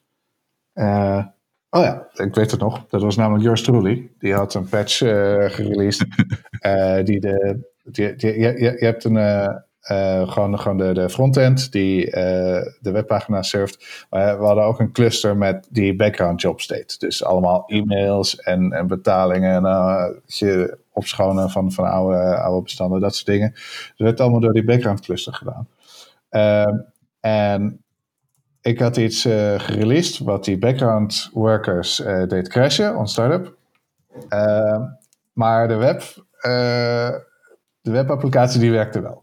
Dus er werden nog steeds met, nou dat, dat waren op dat moment een stuk of 40 servers. Ja. werden op volle, volle pot werden er nieuwe jobs in de queue gezet van dit moet nog gedaan worden. Maar al die, die, workers waren gedaan. Dus die queue die werd groter en groter en groter.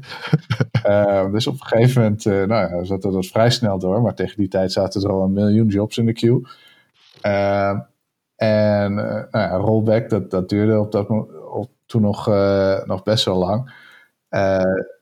dus gelukkig was het een cloud-based queue. Dus daar kan je in principe zoveel instoppen als je wil. En Amazon zag wel dat dat, dat goed komt. dus op een gegeven moment, wij hadden gerollbacked. Nou, al die workers erop. Die workers automatisch opschalen ook. Dus uh, denk je, nou, hey, dat komt helemaal goed. Die cluster schaalt op, die draait even door die queue heen. Er inmiddels 3 miljoen rij, uh, jobs in. Uh, die, die cluster draait even door die jobs heen. Nou, dan ben je, ben je zo weer terug. Maar dat, ja. dat was niet helemaal waar. Want een groot gedeelte van die jobs, dat waren mails die verstuurd moesten worden. Dat kan je in Rails kan je dat heel makkelijk doen, zeg maar. Mail dat nieuw, dat deliver later. Uh, en dan hoef je dat niet in je request zelf te doen, maar dan kan je dat in de achtergrond. Super praktisch. Maar ja, we hadden één mailserver met okay. één harde schijf. En die harde schijf die, met, met te verzenden berichten, die was helemaal vol. en hij probeerde volle pot die dingen door te sturen naar SendGrid, was het geloof ik. Ja. Eh, maar ja, die zei ook op een gegeven moment, nou ja, hallo jongens, eh, doe even kalm aan, jullie worden gereed limit, want zoveel mails versturen, dat is niet oké. Nee. Uh, dus ja, en die background job cluster maar opschalen en opschalen en opschalen. Maar ja, die, die, die er werden gewoon echt niet meer mails verstuurd dan, uh, dan dat er verstuurd werden.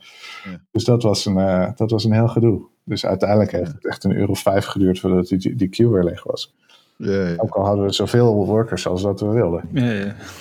ja. Niet veel later ja, dat is, die, is die mailserver ook autoscanning geworden trouwens. Oh ja, oké. Okay, ja.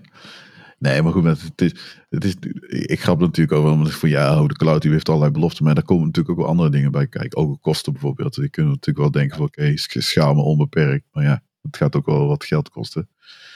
Dus het maakt het, de cloud heeft het gewoon een, echt, nog een, paar orders vergroten, complexer gemaakt. Dat je nog, ja, je architectuur wordt gewoon wat complexer. Ja, sommige dingen worden heel, heel veel makkelijker met de cloud. En sommige dingen, daar moet je gewoon nog steeds over nadenken. Sommige ja, dingen precies. moet je nu over nadenken wat er vroeger eigenlijk niet hoefde.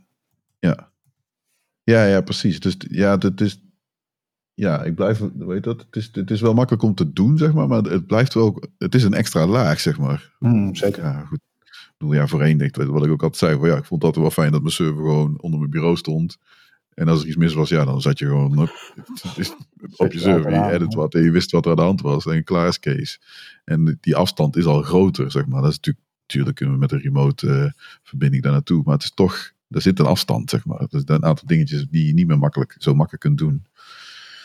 Uh, in de cloud als, uh, ja. als nu. als we wat we voorheen konden. Ook dat even is een kijken. voor- en een nadeel trouwens. Sorry? De- ook dat is een voor- en een nadeel. Ja, nee, dat klopt. Ja, ik zeg, het depends. En dan En, eh, kom je vaak, overal vaak mee. genoeg. En ook dat heb ik een paar keer zelf gedaan. eh, dat eh, iemand eh, eh, bijvoorbeeld eh, eh, Rails voor, vooral maakt het heel makkelijk. Want je kan een, een Rails console openen Ja. in productie. Oh. En die laat dan automatisch alle environment variabelen en al je database connecties en al je redders en wat niet. Eh, dus die, eh, een, een collega van mij, die, eh, die kwam langs. Of, en, en of de, die, die wou, die had per ongeluk een paar keys naar de Redis cache geschreven. eh, maar was vergeten er een expiry op te zetten. Dus hij, eh, en hij wist ook niet meer welke het waren. Maar hij wist wel dat ze een soort van... Je kan in, in Redis kan je searchen op prefixes, maar niet op postfixes. Mhm. Oh, Nou, dus hij dacht, nou dan doe ik dat wel gewoon in, in Ruby. Dus hij was eh eh, redis.new.keys. en dan een of andere Ruby functie om dat te selecteren. Maar wat dat doet, is key star op de productie eh, Redis database. Eh, dus die Redis die dacht, oh jij wil al- alle keys hebben in de, die, Ja. die ik heb. Dat is goed, je ze alle 30 miljoen. en dat duurde natuurlijk even. En Redis is single-threaded, dus geen enkele andere eh webrequest kon nog bij de Redis.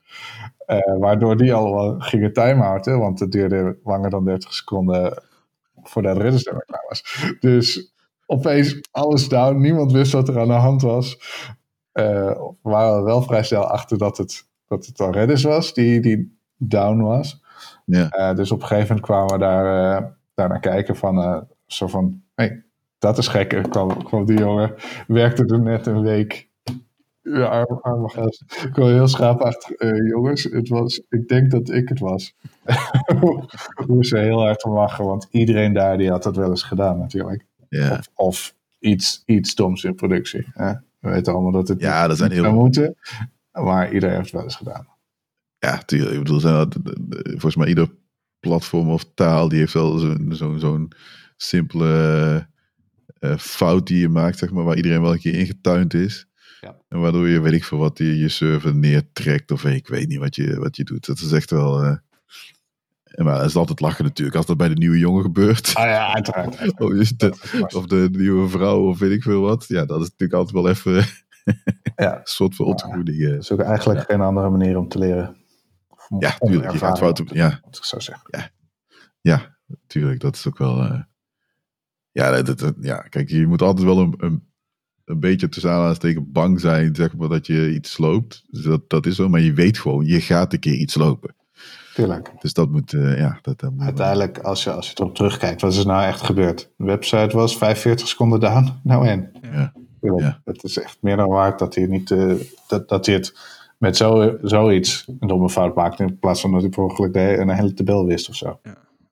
Het laatste onderwerp, onderwerp, laatste onderwerp is eigenlijk niet eens echt een onderwerp, is een beetje los vast. We hebben een aantal dingetjes die we steeds terug proberen te laten komen. Eentje gaat vervallen. Ik had geen Twitter rent. Ik had ook geen echte Twitter. Uh, ja, die heb ik niet, uh, niet gezien. Dus heb er geen. Dus, dus helaas, dat uh, op. Jij ook niet, denk ik. Nee, je was zeker te druk met de verkiezingen in de VS of wat. Dat is genoeg. Dat is misschien wel een rent. Ja, dat is over rent. rent nou, afgelopen. Laten we het daar niet over hebben. Nee. Nou ja, misschien. Het was best vermakelijk, die uh, Slack-channel. Ja, ik, ja ik, ik, ik, ben, ik vond het wel gezellig. Want, ja, dat was een, een Slack-channel zeg maar, bij Neus op tafel. En daar, daar ging het over de VS-verkiezingen.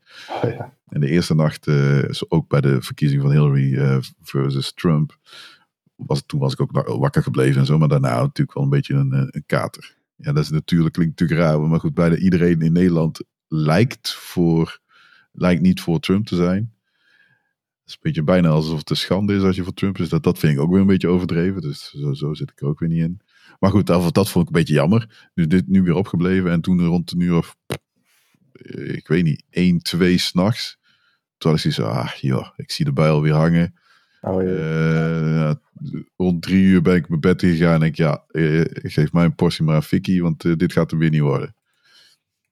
En er waren hier en daar wel wat, wat, wat, wat, wat ja, dingetjes waardoor misschien Biden zou winnen. Dus ik denk, ja, die gaat nooit meer gebeuren. Maar toen werd ik wakker en denk, nou, nou. En toen begon het een beetje om te slaan. Ja, toch. Hè? En meer en meer en meer. Dus nu is het, dus het is echt wel bijzonder. Ja. ja, eigenlijk zou je ook ja, misschien moeten we ooit een keer iemand uh, vinden die echt die, die data-analyse zeg maar, doet. Want dat al die uh, campagneteams, die hebben allemaal data-analysten, zeg maar, die allemaal gaan kijken van hey, uh, met modellen van wat is nou de kans dat Biden of Trump gaat winnen.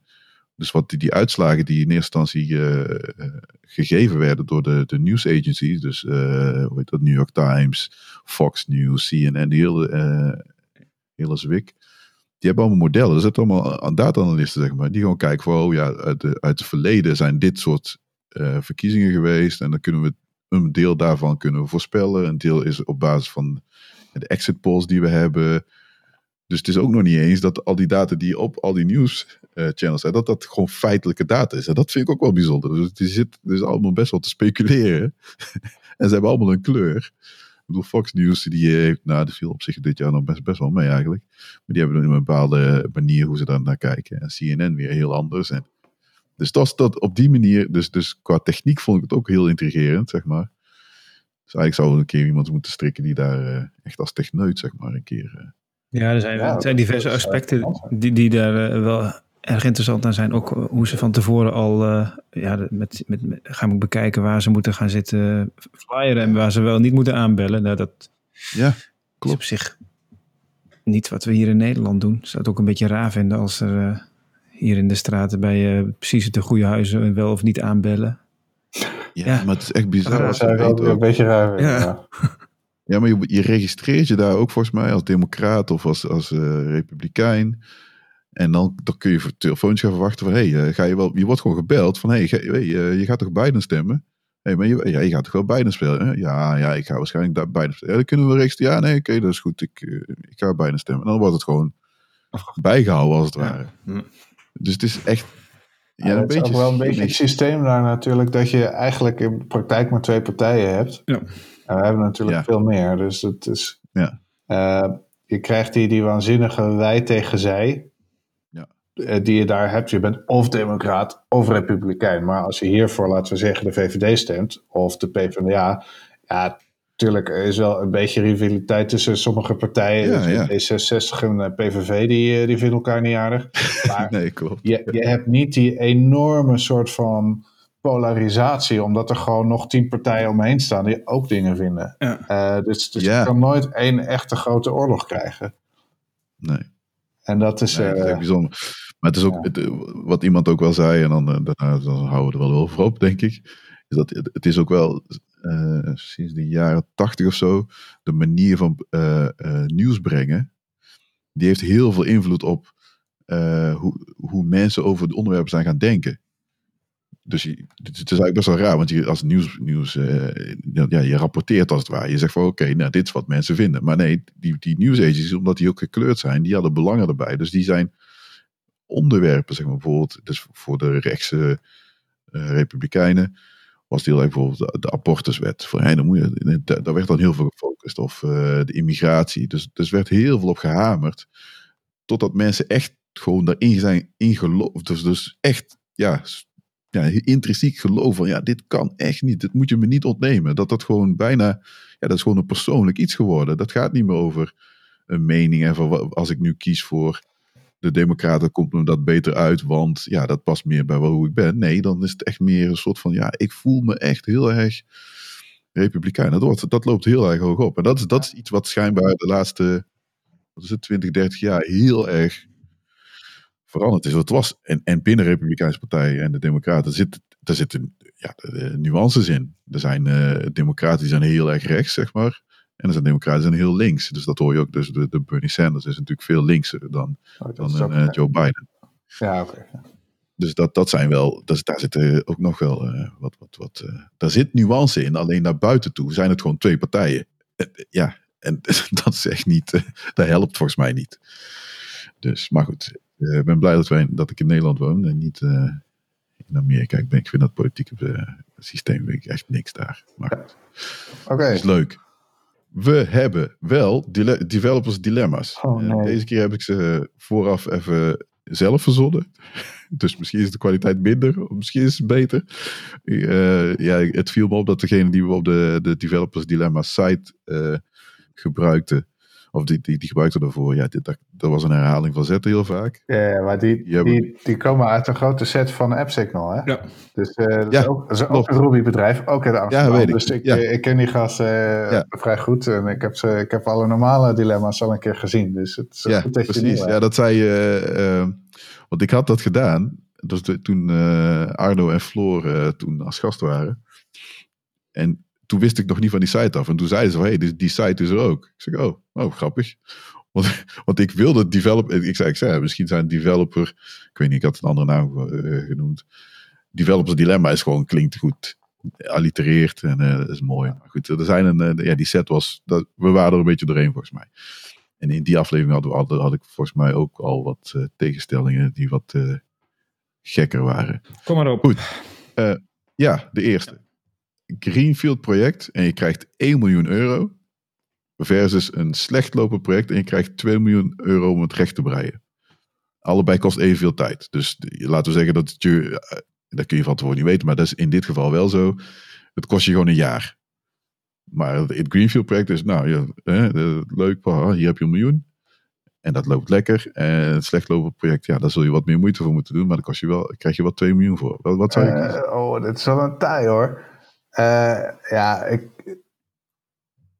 uh, ik wil zeggen dat hangt heel erg van mijn collega's af. ja, dat is, uh, dat, dat is wel echt het belangrijkste in deze keuze. En, um, maar ik denk dat je dat een beetje hebt samengevat in en het loopt goed. Ja. Um, versus en het loopt slecht. Dus ik, uh, dan, dan ga ik toch echt voor het goed lopende Greenfield project. En het mag, het mag zelfs een, een project zijn dat helemaal in de crap zit maar met leuke collega's uh, en het loopt goed. Dan een, een volstrekt fantastisch uh, Greenfield, miljoen, of, uh, Greenfield project, misschien wel voor 10 miljoen euro. Echt, ja. nou hey, dat, mijn, mijn sanity is me te veel waard. ja, precies. Ja, ik zou denk ook wel. Ik had eerst, eerst gezegd van 1, 1 miljoen versus 10 miljoen. Maar ja, goed, ik denk ja, dan. Uh, kijk, iemand gaat uiteindelijk wel een keer zwichten voor geld bedoel, als ik niks zeg, dat ja, moet ik werken. Hier heb je. Wel, maar dit is. Uh, als als ja. ik het zo in deze setting mag uh, besluiten, nee. Dat, ik heb, uh, ja, nee, ik denk veel ook. belangrijker om normaal te blijven. Want ik, ik heb één keer een, een echt crap project gehad en dat, nee, dat hoeft niet. Nee, ja, ik heb er twee echt heel du duidelijk twee slechte. Ja, dat is, het is wel een les. Dus dat, dat is wel weer zo. Het is niet zo dat ik. Kijk, als je, toen ik erin zat, als je het mij had gevraagd, had ik gezegd, nou, dat had voor mij niet gehoeven. Maar achteraf gezien, nu, na, na een tijdje, dan kun je wat. Uh, maar als je is van, oké, ik ben blij dat ik ze meegemaakt heb. Omdat het, het, het, ja, het vormt je wel. Het, je leert er wel van, maar tegelijkertijd zou je, zou je er nog eentje willen doen? Nee, natuurlijk niet. Ik, ga niet ik, ik teken niet vooraf uh, voor een slecht project. Ja, uh, er zullen niet veel mensen zijn okay. die dat uh, vooraf zouden zeggen. Bernard, heb jij er nog een mening over? Nee, ik zou dezelfde keuze doen. En ja, dat bedrag, kijk, 1 miljoen is al veel. En, wat ja, dat, dat zou je ook. ja. even kijken. Een teamleider van alleen maar 65-jarige ontwikkelaars of een teamleider met 25-jarige ontwikkelaars. Oeh. Dit is niet omdat. ik, ik, ik, ik, had het nog een keer gelezen. Ik dacht van dit wordt niet zeg maar een soort van uh, leeftijdsdiscriminatie. Dat is het niet. Het gaat er gewoon om. Je team zit. Het is wat niks te kiezen. Het, het ene team is 65 jaar of het team met 25 jaar. Wat zou je. Welke zou je leiden? Uh, moet ik weer eerst? Um... Ja, maakt me niet uit. Bernard mag ook eerst. Uh, en dan kun je erover nadenken. Wat zou je kiezen, Bernard? 25-jarige zou ik kiezen. Uh,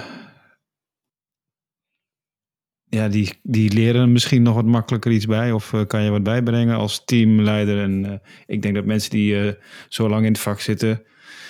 misschien niks van je aannemen. Of alles op de manier doen die ze al lang doen ja, flexibiliteit. Dat zegt natuurlijk ook, ja, dat, dat is niet gegarandeerd dat uh, eh, 65-jarigen niet flexibel zijn.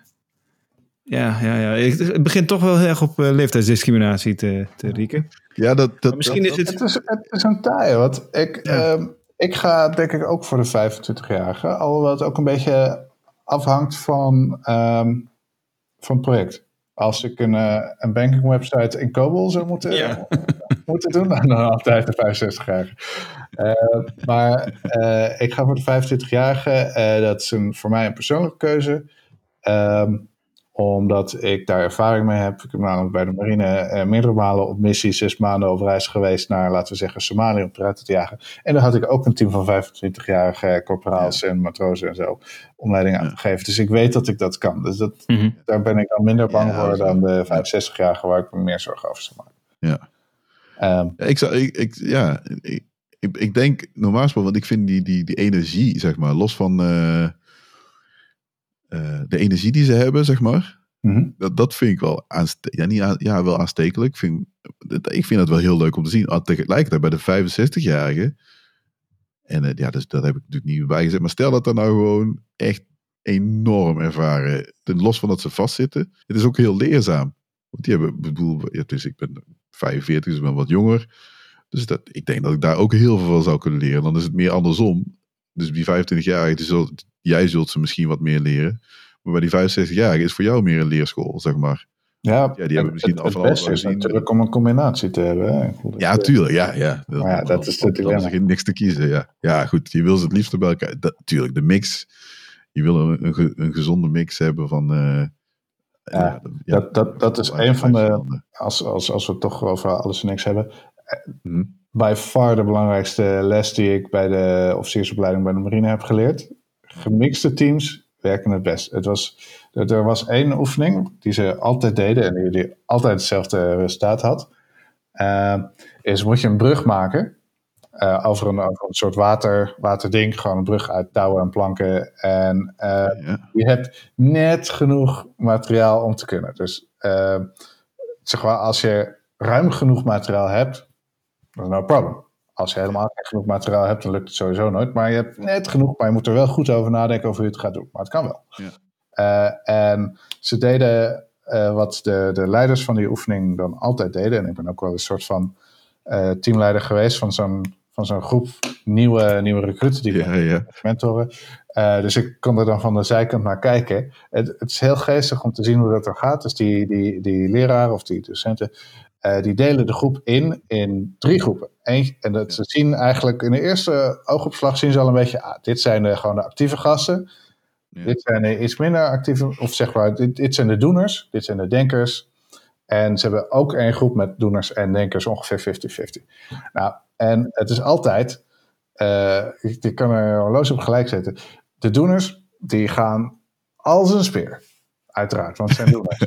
uh, maar halverwege komen ze achter dat hoe ze het hebben gedaan, niet zo handig was. Dus nu hebben ze geen materiaal meer over. Dus ze moeten eigenlijk een deel van een brug weer afbreken.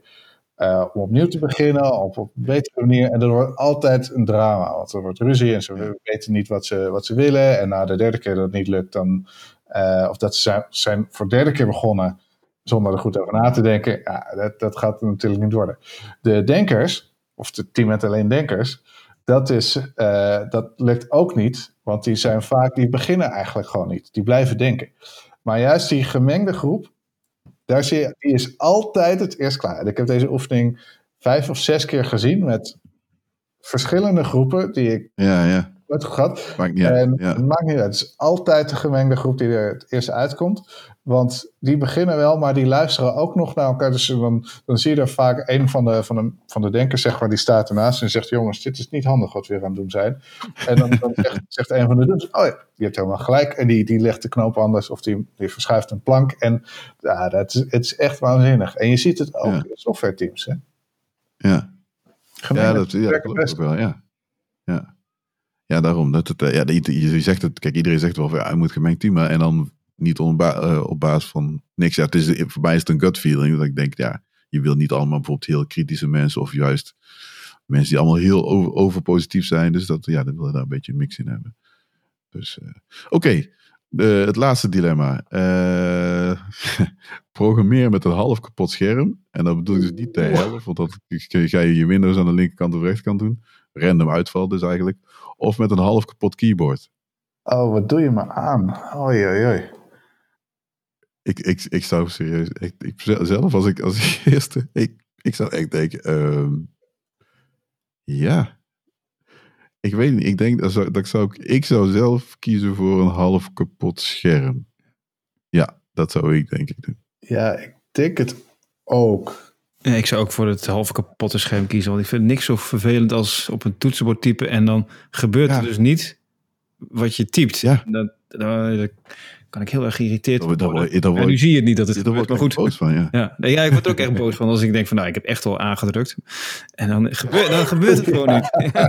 Ja, dat is echt ja. serieus. Precies wat jij zegt. Ja, dat is ook waarom ik zou, zou doen. En het, uh, dat, dat komt ook misschien een beetje, dat, juist omdat je, als, als je in Haskell programmeert, die taal die is heel compact. Hè? Dus je kan eigenlijk alles wel schrijven als een one-liner. Dus als je keyboard het dan niet doet, dat is gewoon als percentage van wat je wilt typen, is dat veel groter. Ja, ja. ja ja als je dingen mist. Ja, dat is wel waar, ja. Want het hoeft ook, ook op het toetsenbord. Als er één toets, zeg maar, bijvoorbeeld niet doet, één, ja, joh, oh, dat is echt de worst. Ja, en dan random of, ja. Dus daarom, ja, ik heb gelukkig die Mac net niet. Die, uh, de Mac sinds 2016 tot oh, ja, ja, ja. 2000 nog wat, dat waar het toetsenbord soms gewoon wel en niet. Ik zou echt, ik zou echt gek worden. Ik weet niet waarom mensen dat niet Dat er niet een soort van uh, revolt is geweest, zeg maar, naar, naar Apple na een jaar. Dat, dat kan gewoon niet, man. Maar goed, dat uh, is nu, nu inmiddels weer achter de rug. Uh, ja, dat waren ze. Ik had er drie. En daar zijn we nu lekker doorheen. Um, dan hebben we normaal ook nog tips. Ik heb bijna een tip. Ik heb volgens mij Jawel, ik heb wel een tip. Uh, ja, dat is gewoon een, een, een, een, voor sommige mensen is dat gewoon gesneden koek. Uh, onze website die is gemaakt met uh, React, Next.js en Tailwind. Next.js vind ik echt gewoon leuk. Dat is een, een framework voor React. Dus dan kun je sta ja, statische sites maken. Maar je kunt ook hybride sites maken, zodat er een deel toch op de server-side gegenereerd wordt. Maar nou goed, dat, moet je maar uitzoeken. Maar dat, dat is wel een tip. Next.js mocht je dus React gebruiken en dan uh, uh, is dat, ja, vond ik wel echt fijn, ja, nou, best wel een verademing om mee te werken. ja, verder heb ik geen tips. Ik heb geen boekentips. Ik heb, ja. Ja, ik kijk series, maar die, die, tips die, die, wil ik wel best wel geven. Maar dat, is, dat kent iedereen inmiddels wel. Dat Star Trek Discovery op Netflix. seizoen 3 is inmiddels weer ja, begonnen. kijk ik ook. Ja, een goed seizoen. Dus tot nu toe was het interessant. Ja, iemand op eh, Twitter zei van ja, maar ze hebben het verpest, want er is heel veel pieuw, pieuw, pieuw en oploffingen. Eh, en ik denk, ja, oké. Dat viel eerlijk gezegd nog niet eens heel erg op.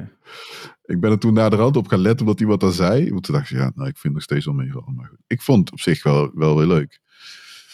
eh, alle drie de seizoenen zijn wel een beetje anders. Dus dat is op zich wel, eh, wel, wel grappig. Eh, ja. Heb jij tips, Bernard? Nee. Nee, ja, Jij toevallig tips? Je mag alles eh, tippen. Je eigen website, eh, pff, noem maar iets. Ehm, nou, wat, wat, ik, eh, wat, wat ik wil tippen, het is, het is niet eens van mezelf, maar eh, op 1 december begint de Advent of Code weer. Ja, En eh, ik bedoel, in, die, in het eh, hypothetische geval dat iemand zowel naar Codeklets luistert en niet weet wat Advent of Code is. ik denk niet dat het een hele grote groep zal zijn, maar elke, elke dag komt er een nieuwe programming challenge op adventofcode.com. Ehm, en die kan je oplossen. En eh, het, beg- het begint altijd heel makkelijk. Eh, bij wijze van spreken, eh, tel deze tien, tien getallen bij elkaar op. En het wordt vanzelf steeds moeilijker tot je op dag 28 eh, hele, hele microchips aan het simuleren bent. Het is hartstikke leuk. Ik kan het van harte aanraden. En als je nieuwe programmeertaal wil leren, waarom doe je het niet in Haskell dit jaar? Nou ja, dat is precies Oh, ja, wat ik van plan was. Want ja, dat klopt. Dat zei die eh, collega volgens mij niet. Ja, wel. Ja, die heeft het volgens mij vorig jaar in eh Haskell, dacht ik. Ik ken iemand die heeft Ik elke, heb dag, niet gedaan, want ik elke was- dag een andere programmeertaal gebruikt een keer. Dus 25 dagen lang allemaal 25 verschillende programmeertalen.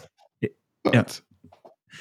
Ja, Dat is wel ja, respect. ik, ja. heb, eh, Ik weet niet. eh, ik heb alleen maar Ruby gebruikt vorig jaar. En eh, dit jaar ga ik misschien Haskell of Swift of wat anders tussendoor doen. Maar het is wel zo dat die eh, puzzels op elkaar inhaken soms. Dus dan heb je een stuk code wat je dan kan eh, hergebruiken. Dat was afgelopen jaar zo. Mm. Maar ik heb erg veel lol Ja. gehad. En ik heb er eh, nu ook alweer zin in. nee, ik heb het nog niet, eh, niet gedaan. Het was meer eh, tijd en zin. En ik kan niet zo goed eh, tegen mijn verlies. Dat klinkt heel raar. Dus als ik dan hoor van, oh ja, die heeft dat gedaan. denk ik, joh. Ja, dat is echt... eh, dat is, echt- dat is- Nee, maar ja, het is geen Als je ambities hebt om in de top 100 te komen, er zijn gasten die hebben dat. de- die puzzels komen 's ochtends Nederlandse tijd, denk ik, om vijf uur of zo. En dan zijn er mensen die hebben binnen vijf minuten eh, hele moeilijke puzzels. Hebben ze opgelost. En dus die, die, die streamen ook live eh, wat ze aan het programmeren zijn. Ik heb al zo'n filmpje gekeken. Nee, dit is echt. Ja, Gaat heel Ja, bizar. is waanzinnig. Ja, waanzinnig, ja. Ja. Ja, als, als je competitief mee wil doen, dat zou ik je niet aanraden. Eh, maar er zijn, er zijn inderdaad livestreams van mensen die dat doen. En die, eh, die, gaan, die gaan verschrikkelijk snel. Ja. En die hebben dus ook hele, hele tooling setups. Ja. Dat ze precies op de seconde dat de nieuwe, nieuwe puzzel wordt gereleased, dan loggen ze daar in. En tegelijkertijd hebben ze een cronjob eh, die eh, op de achtergrond hun, hun gepersonaliseerde test input downloadt. Zodat ze dat alvast klaar hebben zitten. Zodat ze dat niet handmatig hoeven te downloaden. Nou, het is echt... Die mensen die, die elke seconde telt. Nou, Ja, dat geloof ik, zit ja. er zelf niet zo in. Ik vind het leuk om er gewoon over na te denken en een mooie oplossing te maken. Eh, Hoe, hoe lang is dit er al eh, inmiddels? Want ik, ik Z- ben 2017 nu van volgens een jaar of twee, drie jaar. Hoe lang? Even kijken hoor. Ja, ga- kan je heel goed. Even kijken. Events. Klik ik. De eerste is uit 2015. Oh, wel, oké. Het is Eén, dus een jaar of vijf. Ja, oké. oké. Ja, ik ken het denk ik een jaar of drie of zo. Ja. Ja. Misschien moeten we een eh, leaderboard aanmaken voor de codeklets. Ah. Dan kan, eh, kunnen de mensen die eh, codeklets kennen Ja. daar Zeker. vergelijken. Kijk even. Kijken hoe iedereen het dan doet. heb je ook dat een beetje die, die rare tijdzone eruit. Ja, ja, ja, dat klopt. We zullen zien, we zullen zien. Ik ga eens kijken of ik dat kan opzetten. Ja, het lijkt me wel leuk. Kijken of... eh, ja. Het zou wel grappig zijn als er dan onder onze echte top 100 iemand zit. Je denkt, oké. Mm, ja, dat zou... Dat eh, zou echt eh, cool zijn. we gaan zien. Goed. Dat waren de tips. Goeie tip. Zeker. Eh, ja, dan zijn we door het laatste deel heen. Dus dan eh, blijft er niks anders over dan jou te bedanken. Ja, nee, jullie bedankt. En ja, was leuk. Was weer leerzaam. Ehm, even kijken. Ja, we, we zetten meestal in de show notes hebben we al allerlei links. eh, eh, ja, hoe mensen je kunnen vinden op Twitter, LinkedIn. eh, ja, je website en dat soort zaken. Dus dat, dat zetten we meestal in de show notes. En even kijken, als ik vragen heb, dan ga ik je benaderen. Hoi, hoe zit het daar? lekker. Ja, precies. Dus dat is heel fijn.